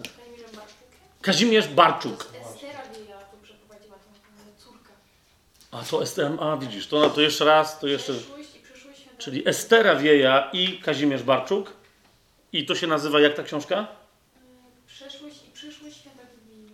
Przeszłość i przyszłość w świętach biblijnych. Okej. A w tym kontekście, że przeszłość to są święta wypełnione przez Pana Jezusa i przez Ducha Świętego, cztery święta wiosenne, a przed nami są święta, wypełnienie tego, co jest zapowiedziane w świętach jesiennych, tak? Czyli Estera wieja. Okej, okay, to przepraszam najmocniej, nie chciałem nikogo urazić. Um, Okej. Okay. Otóż, otóż, co się rozpoczyna w Dzień Pięćdziesiątnicy? I jednocześnie nie tylko co się rozpoczyna, ale kto co rozpoczyna w Dzień Pięćdziesiątnicy. Dzień Pięćdziesiątnicy w Księdze Wyjścia w drugiej Mojżeszowej w 23 rozdziale w 16 wersecie jest nazwany dniem żniw albo świętem żniwa. Jakiego? Pszenicznego. Rozpoczyna się żniwo pszenicy. Więc w Ewangelii Mateusza, teraz jak czytamy, chcę wam na to zwrócić uwagę. Ok? Popatrzcie, Mateusza 9, 37, 38. Wtedy powiedział do swoich uczniów Jezus: Żniwo wprawdzie wielkie, ale robotników jest mało. Proście więc Pana żniwa, aby wysłał robotników na swoje żniwo. Jaki jest kontekst tej wypowiedzi? Bo tak trochę wygląda, jakby Pan Jezus tak ni stąd, ni zowąd, tak trochę z jakiejś dziwnej czapki to powiedział. Tak, wiecie, co jest grane? Zobaczcie, jaki jest bezpośredni kontekst. 35 i 36 werset. Obchodził Jezus wszystkie miasta i wioski, nauczając w ich synagogach i głosząc Ewangelię Królestwa Jezus chodził wszędzie po Izraelu i głosił Ewangelię Królestwa, uzdrawiając wszystkie choroby i wszelkie słabości wśród ludu. A widząc ludzi, tłumy ludzi, użalił się nad nimi, bo byli utrudzeni i rozproszeni jak owce, które nie mają pasterza. I w tym kontekście głoszenia Ewangelii Królestwa i użalenia się nad rozproszonymi tłumami ludzi bez pasterza, Jezus się użalił i powiedział: Żniwo wprawdzie wielkie, ale robotników mało. Proście więc pana żniwa, aby wysłał robotników na swoje żniwo. Pa, wiecie, mało kto zadaje pytanie, kto jest panem żniwa. Ale jak zadamy takie pytanie, to zwykle wiesz, no jak zapytasz dzieci na szkółce niedzielnej, to ci powiedzą Bóg. Nie, to jest prawda. Ale jak tak dokładniej zapytać, który to w tym Bogu, jednym, to kto? Duch. Bo właśnie, Duch Święty według mnie. Duch Święty. Ponieważ żniwo rozpoczyna się w dniu pięćdziesiątnicy. Prawo tak stanowiło, żeby zapowiedzieć to, co będzie robił Duch. Ale przyjrzyjmy się temu bliżej. Ewangelia Mateusza, 13 rozdział. Otwórzcie sobie. Ktoś powie, dobra, znajdziemy jakieś dowody biblijne. Proszę bardzo, Mateusz 13. Tam, gdzie są te różne przypowieści, tam jest między innymi mowa właśnie w 33 wersecie o tym zakwasie, świętym zakwasie. Ale jest też y, przypowieść o konkoli, o konkolu i o pszenicy. Pamiętacie to? Pszenica. Mm, dlaczego jest istotna? Bo na razie zostawiamy tą przypowieść, bo nie mamy czasu tam to, tego zgłębiać, ale 13 rozdział, 30 werset. Na końcu tej przypowieści, bo ci mówią, że wróg zasiał konkol, a tu rośnie pszenica, co mamy zrobić? I teraz pada taka, tak, ta, takie hasło, 13 rozdział, 30 werset Mateusza. Pozwólcie obydwu razem rosnąć, aż do czego? Aż do żniwa. A w czasie żniwa powiem żniwiarzom, zbierzcie najpierw konkol i zwiążcie go w snopki na spalenie. Pszenicę zaś zgromadźcie w moim spichlerzu. Ok? Jest wyraźnie mowa o żniwie jakim pszenicznym, które się rozpoczyna dniem pięćdziesiątnicy. To jest żniwo pszeniczne. Teraz uważajcie. Ewangelia Jana to jest fantastyczna historia. Pamiętacie rozmowę Jezusa z Samarytanką? Pamiętacie? Przy studni Jakubowej. To jest czwarty rozdział Ewangelii Jana. Mało ludzi na to zwraca uwagę. Mianowicie, kiedy ona słyszy rzeczy od Pana Jezusa i przyjmuje go jako Zbawiciela, co ona, wyznaje go jako Mesjasza, wraca gdzie? Do swojego miasta. Pogańskiego, dziadowskiego, samarytańskiego miasteczka. Tak? I teraz dochodzi do takiej wypowiedzi Pana Jezusa, w jakim kontekście? Bardzo rzadkim w jego służbie, kiedy nie głosi do dzieci Izraela, ale kiedy nawraca, i oni naprawdę się nawracają, zobaczymy z tekstu, kiedy nawraca pogan, kiedy nawraca Samarytanów, yy, Samarytanki i Samarytan, którzy, wiecie, uważali, że są niby Żydami, że dobrze coś tam robią, ale wszystko źle robili. Tak? Bo Pan Jezus powiedział wyraźnie Samarytance, e, zbawienie pochodzi od Żydów, dokładnie od, e, od Judejczyków, tak? Ale im dalej głosi, znaczy teraz to jest Jana 4, 35 i dalej, mówi następującą rzecz. Czyż nie mówicie, że jeszcze cztery miesiące, a przyjdzie żniwo? Oto mówię wam, podnieście wasze oczy. Tam y, y, zwróćcie uwagę na to, że tu już wrócili jego uczniowie i chcą mu dać jeść. Zdziwili się, że to jakieś gadki z jakimiś samar... Co się w ogóle dzieje? Chcą mu dać jeść. A on, a on y, właśnie wcześniej mówi, że moim pokarmem jest wypełniać wolę tego, który mnie posłał, tak? Ale tu mówi, podnieście wasze oczy i przypatrzcie się polom, że już są białe, gotowe do żniwa. Teraz mniejsza to, jako to, jaka to była pora roku, wiecie, to miejsce tam nie jest studnia Jakubowa, tam jest pustynia. ta, ta, studnia jest wykuta w skale, 20 parę metrów w głąb ziemi, tak? To nie jest za dobre miejsce, żeby podnieść oczy i żeby tam oglądać jakieś żniwo bielejące. Rozumiesz, jakieś zboże gotowe do żniwa. A Jezus mówi, podnieście wasze oczy i przypatrzcie się polom, że już są białe, gotowe do żniwa. A kto żnie, otrzymuje zapłatę mówi Jezus, i zbiera owoc na życie wieczne, aby i ten, kto sieje, i ten, kto żnie, razem się radowali. W tym właśnie prawdziwe jest przysłowie: kto inny sieje, a kto inny żnie. Ja was posłałem rządź to, nad czym nie pracowaliście. Inni pracowali, pracowali, a wy tylko weszliście w ich pracę. I teraz zobaczcie, co jest skutkiem. On to kończy, tak? Wy nie pracowaliście. I patrzcie, jakie jest następne zdanie. Wtedy wielu Samarytan z tego miasta uwierzyło w niego z powodu opowiadania tej kobiety, która świadczyła, powiedział mi wszystko, co zrobiłam. Gdy więc Samarytanie przyszli do niego, prosili go, aby u nich został i został tam przez dwa dni i o wiele więcej ich uwierzyło z powodu jego słowa. A tej kobiecie odtąd mówili: Wierzymy już nie z powodu Twojego opowiadania, sami bowiem słyszeliśmy i wiemy, że to jest prawdziwie Zbawiciel świata, Chrystus. Wow! Czujecie to wyznanie? To jest Zbawiciel świata, Chrystus. To jest żniwo. A więc Jezus, to nie jest tak, że Jezus, Jezus nam pokazuje, co to jest żniwo. Żni, to jest żniwo. Żniwo zbierane z całego świata. Żniwo wyznających, że Jezus jest jedynym Zbawicielem świata, że tylko On jest Chrystusem.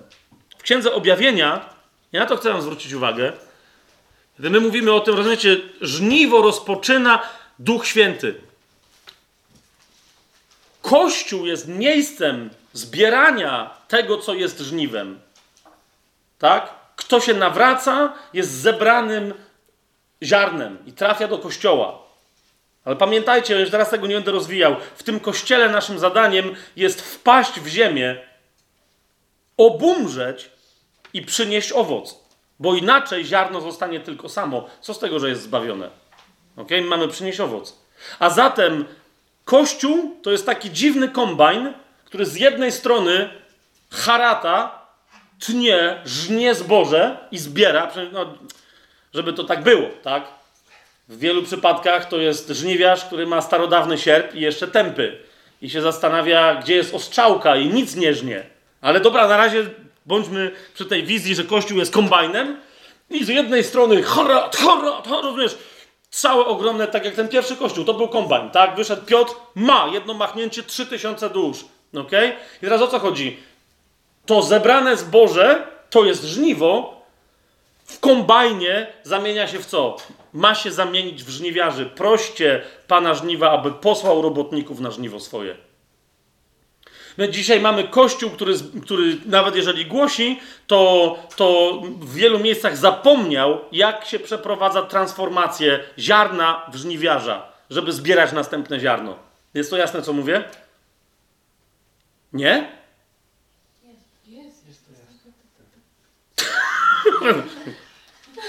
A, okej, okay, to było tak jasne, że aż oszałamiające, tak? Okej. Okay. To, to jest to. Zobaczcie w księdze. Teraz dlaczego, dlaczego o tym mówię? Bo istnieje jeszcze jedno żniwo. Ani to żniwo jest straszne. E, pamiętacie, co powiedziałem, że na koniec, na jesieni, zbiera się dopiero w Izraelu owoce, między innymi winogrona. Tak? Zboża się y, po pięćdziesiątnicy, po, po pięćdziesiątnicy jeszcze się zbiera pszenicę, ale winogrona między, dopiero są dojrzałe na czas święta namiotów. I teraz posłuchajcie tego. Księga Objawienia, 14 yy, rozdział, wersety od 14. Dlaczego my mamy, dlaczego to jest taki, wiecie, taki naprawdę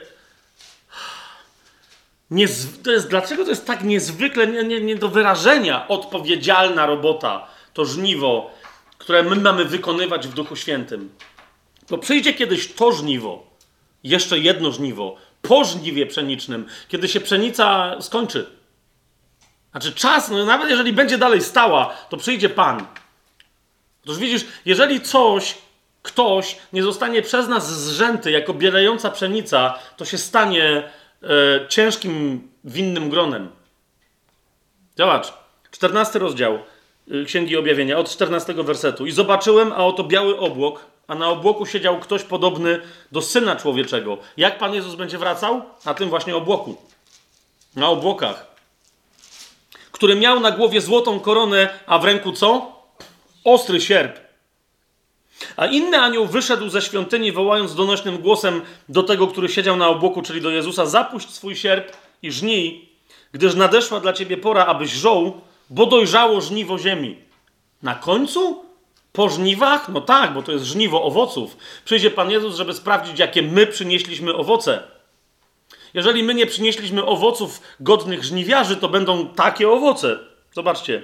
Wtedy rzucił ten, który siedział na obłoku, swój sierp na ziemię i ziemia została zrzęta. I inny anioł wyszedł ze świątyni, która jest w niebie, mając także ostry sierp. Potem od ołtarza wyszedł inny anioł, który miał władzę nad ogniem i zawołał donośnym głosem do tego, który miał ostry sierp: Zapuść swój ostry sierp i zbierz grona winorośli ziemi, bo dojrzały jej winne grona. Ten pier... Pan Jezus pu- puszczający ten swój sierp, to jest to, on zbiera swoich. Myślę, że to jest obraz albo przedstawiający całą historię ewangelizacji przez wszystkie wieki, od przyjścia Ducha Świętego na ziemię aż do tego momentu, albo ostatni zbiór, który jest pochwyceniem Kościoła. Puści sierp, żeby zebrać ostatnią pszenicę, która jest gotowa, żeby była wzięta. I, i wtedy przyjdzie żniwiarz, który będzie, będzie czekał na żniwo winogron. Co ono oznacza? 19 werset i 20. I rzucił anioł swój ostry sierp na ziemię, kiedy już nie ma pszenicy na ziemi, i zebrał grona winorośli ziemi. I co z nimi zrobił? I wrzucił je do wielkiej tłoczni gniewu Bożego. I udeptano tłocznie poza miastem, a z tłoczni wypłynęła krew, aż po wędzidła koni na 1600 stadiów. Rozumiecie, my walczymy także o to, miło, mamy, się, mamy mieć w sobie ulitowanie Jezusa nad tym tłumem, który on zobaczył i mówi, proście Pana żniwa, żeby posłał robotników na swoje żniwo. My się sami nie możemy posłać, bo będziemy akwizytorami tylko. Nawet jeżeli ja chcę pójść, to się cały czas proszę Pana. Panie, poślij mnie jako robotnika na swoje żniwo. Poślij innych, jak ja gdzieś nie umiem.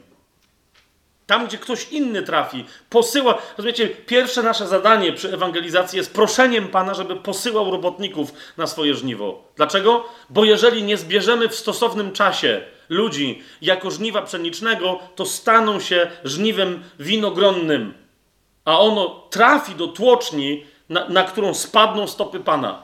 Ci ludzie oczywiście spadną dlatego, bo tu chodzi o Armagedon, chodzi o to, że, że, że w zaślepieniu i za, w zatwardzeniu swojego serca pójdą walczyć przeciwko Izraelowi, żeby go wykończyć, żeby znieść Jerozolimę z powierzchni ziemi. I w obronie tej resztki Izraela przyjdzie Pan Jezus, nadepnie na te narody, jak y, u proroków w Starym Przymierzu y, to zapowiada, że, że wezwie te wszystkie narody na sąd i będzie je deptał i będzie tłoczył krew.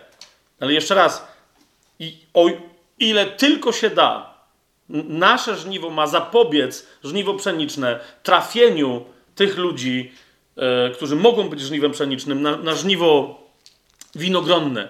I jeszcze raz, jak sobie przypomnicie, jak Pan Jezus właśnie w kontekście tego żniwa mówi, że robotnik bierze swoją zapłatę nie za nic, ale za żniwo. Pamiętacie? Czwarty rozdział Ewangelii Jana? Czy mam tam jeszcze raz cytować? No, pamiętacie? To teraz, rozumiecie, to jeden, jeden z kontekstów to jest dla następującego fragmentu, 22 rozdział objawienia Janowego, w której to księdze żniwo jest bardzo istotne. Jak, jak Pan Jezus mówi właśnie, jak kto dojrzewa. Ku czemu kto dojrzewa? To jest 22 rozdział, 11-12 werset. Sam, sam Pan Jezus osobiście mówi, kto krzywdzi, to niech nadal wyrządza krzywdę. Kto plugawy, niech się nadal plugawi. Kto sprawiedliwy, niech nadal będzie sprawiedliwy, a kto święty, niech się nadal uświęca. A oto przyjdę wkrótce, a moja zapłata jest ze mną, aby oddać każdemu według jego uczynków. Jeszcze raz, bo tak widzę, że nie, nie, nie, nie zwróciliście na to uwagę. Moja zapłata jest ze mną, mówi Pan Jezus. Czwarty rozdział Ewangelii Jana. Tam wyraźnie mówi czwarty rozdział, 36 werset. A kto żnie, otrzymuje zapłatę i zbiera owoc na życie wieczne. Widzicie to? To, to nie jest poezja. Jana 4, 36. Kto żnie, otrzymuje zapłatę i zbiera owoc na życie wieczne. Zapłata to nie jest to samo co owoc, ale zapłata jest związana z owocem. A zapłata bardzo mocno wiąże się ze żniwem. Hmm? To jest pięćdziesiątnica, która jest niemożliwa bez Ducha Świętego. Panem żniw jest Duch Święty, pierwszym żniwiarzem jest Duch Święty. On wysyła robotników. Prośmy Pana żniwa, żeby posłał robotników na swoje żniwo. Jak wygląda, wygląda żniwo Kościoła? Dzieje apostolskie, drugi rozdział. Kiedy, kiedy nikt duchowi nie przeszkadza, jak to wygląda? Dzieje apostolskie, drugi rozdział, 38 werset i dalej. To jest sierp Ducha Świętego. Piotr powiedział do nich: Pokutujcie i niech każdy z Was ochrzci się w imię Jezusa Chrystusa na przebaczenie grzechów, a otrzymacie dar Ducha Świętego. Obietnica ta bowiem dotyczy Was, Waszych dzieci i wszystkich, którzy są daleko, każdego, kogo powoła Pan, nasz Bóg. W wielu też innych słowach dawał świadectwo i napominał ich: ratujcie się od tego przewrotnego pokolenia. Zauważcie, to jest, to jest dokładnie to. Dajcie się zrządź jako pszenica, bo jak nie, to skończycie jako winogrona. W tłocznik gniewu Bożego.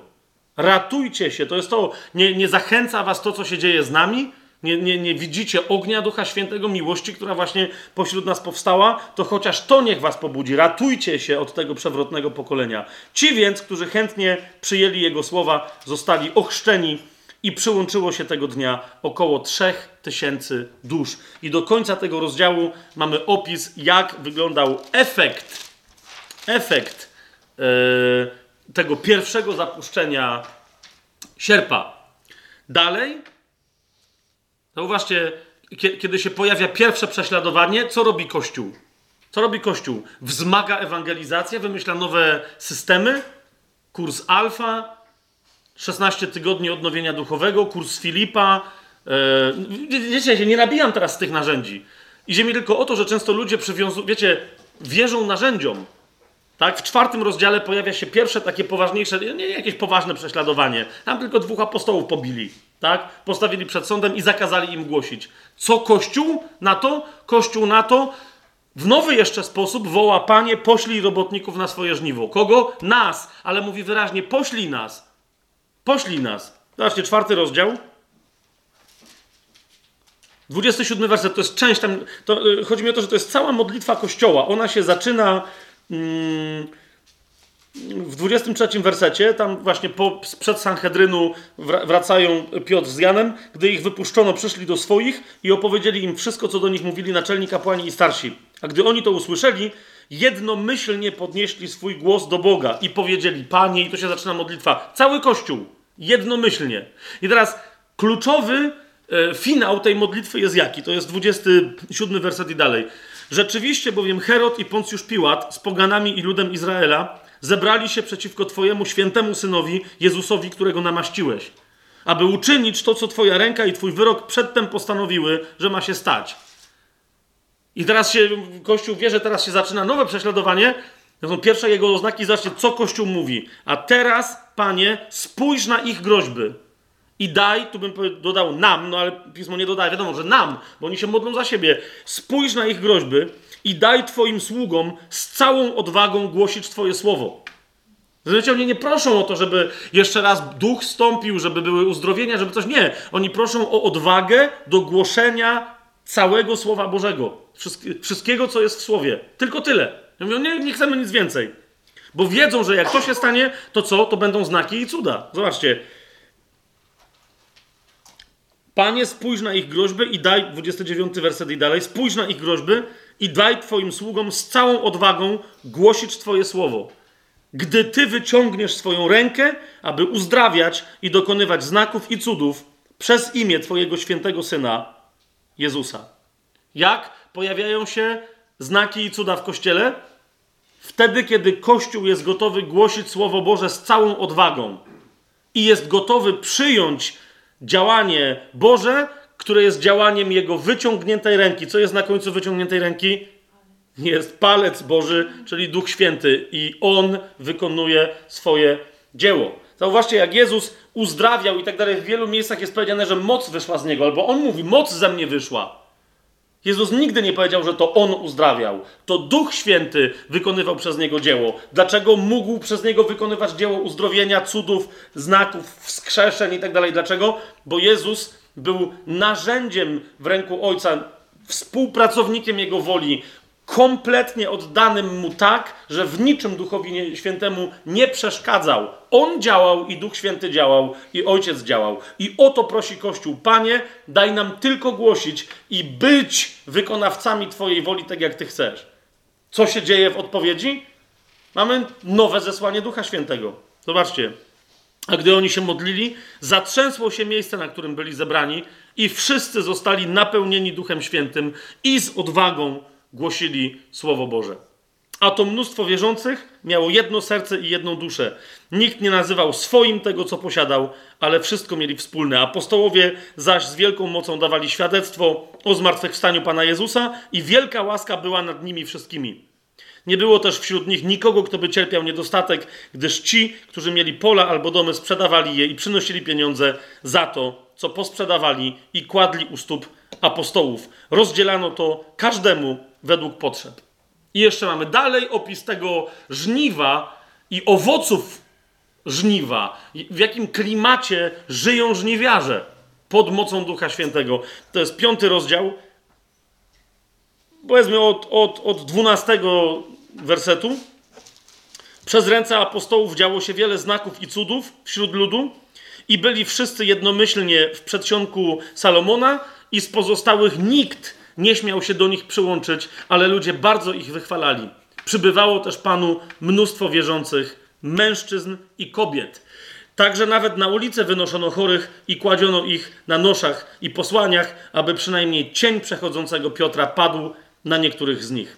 Schodziło się też z okolicznych miast do Jerozolimy mnóstwo ludzi, przynosząc chorych i drączonych przez duchy nieczyste, a wszyscy zostali uzdrowieni. Kto został uzdrowiony? Wszyscy.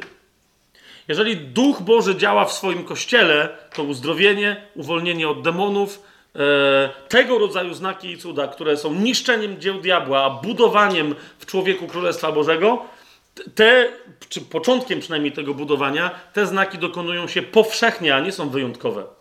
Po prostu są normą, okay? a nie wyjątkiem od jakiejś innej kościelnej reguły. Ale jeszcze raz, nie ma co na siłę wymyślać, że to, te znaki i cuda są gdzieś w naszych społecznościach normą, kiedy nie są.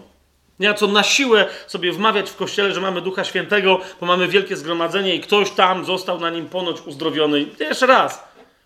Skąd będziemy wiedzieć, że gdzieś na pewno w jakimś kościele działa Duch Święty i mamy przebudzenie i jest pięćdziesiątnica? Bo ludzie, którzy są niewierzący, będą tam przenosić chorych, gdyż będą mieli odpowiednio mocne świadectwa, że tam się coś stanie. No właśnie, dzisiaj w wielu charyzmatycznych kościołach jedyne, e, bo są, już powiem, że są, ale są chorzy. Najczęściej to są chorzy, którą, których przywożą chrześcijanie. I bardzo często jak przewożą, tak potem wywożą rozczarowani, że nic się nie stało i mówią, okej, okay, może następnym razem Duch Święty mocniej przyciśnie swoim palcem. Jeszcze raz, przy działaniu Kościoła, tak jak przy działaniu Chrystusa, zanim przyszedł Duch Święty, jest dokładnie to samo. Duch Święty działa, uzdrawiając wszystkich. Takie są znaki i cuda, kiedy, kiedy się pojawia Jego obecność. Nie ma żadnych wyjątków. I nikt nie śmie wątpić. Piotr, kiedy idzie ulicą, nawet się nie zastanawia, co się dzieje. Ludzie kładą chorych na ulicy, żeby cień chociażby jego padł, bo wiedzą, że on chodzi pod mocą. On nie musi mieć świadomości, on nie musi, on nikogo nie leczy. Tak? Daj nam głosić słowo Twoje, kiedy Ty sam, Panie, wyciągniesz rękę, aby dokonywać znaków i cudów. Jestem absolutnie tak mocno, jak się tylko da, przekonany, yy, że, że tak, jak, tak jak Piotr powiedział w drugim rozdziale, w 39 wersecie, obietnica ta dotyczy Was, Waszych dzieci i wszystkich, którzy są daleko, każdego, kogo, kogo, kogo, kogo powoła Pan, nasz Bóg, to, to, to to oznacza także nas. Was, waszych dzieci, wszystkich następnych pokoleń, każdego, kogo powoła Bóg. Jeżeli mnie powołał, ciebie powołał, nas tutaj, wszystkich jak jesteśmy, powołał Pan, to znaczy, że, że dla nas jest ta obietnica, pełna obietnica wylania Ducha Świętego. To, czego my potrzebujemy, to jest nawrócenie, w ramach którego e, ze zrzętego chwalebnie ziarna staniemy się żniwiarzami w Duchu Świętym, podejmiemy pe w pełni pięćdziesiątnicę w poszukiwaniu jedności przez krzyż Chrystusowy, w poszukiwaniu Jego szalom. Podejmiemy decyzję, żeby z całą odwagą głosić Słowo, a wówczas jestem przekonany, że Pan wyciągnie rękę on już ją ma wyciągniętą, tylko czeka na nasze posłuszeństwo. Wyciągnie rękę i zacznie dokonywać znaków i cudów. Miałem jeszcze jedną rzecz dzisiaj jako bonus przygotowany, ale być może następnym razem, ponieważ z, e, z tygodniami, ze świętem tygodni, z liczeniem Omeru, e, z tą liczbą tygodni żniw wiąże się koncepcja wczesnego i późnego deszczu w Biblii. Ale dziś myślę, że, że z tym na razie, co, co, czego dziś dotknęliśmy a propos pięćdziesiątnicy, zostańmy, a wczesny i późny deszcz zostawmy sobie jako smaczek na kiedy indziej. Być może na następny raz. Być może na nie wiem kiedy. Dzięki piękne.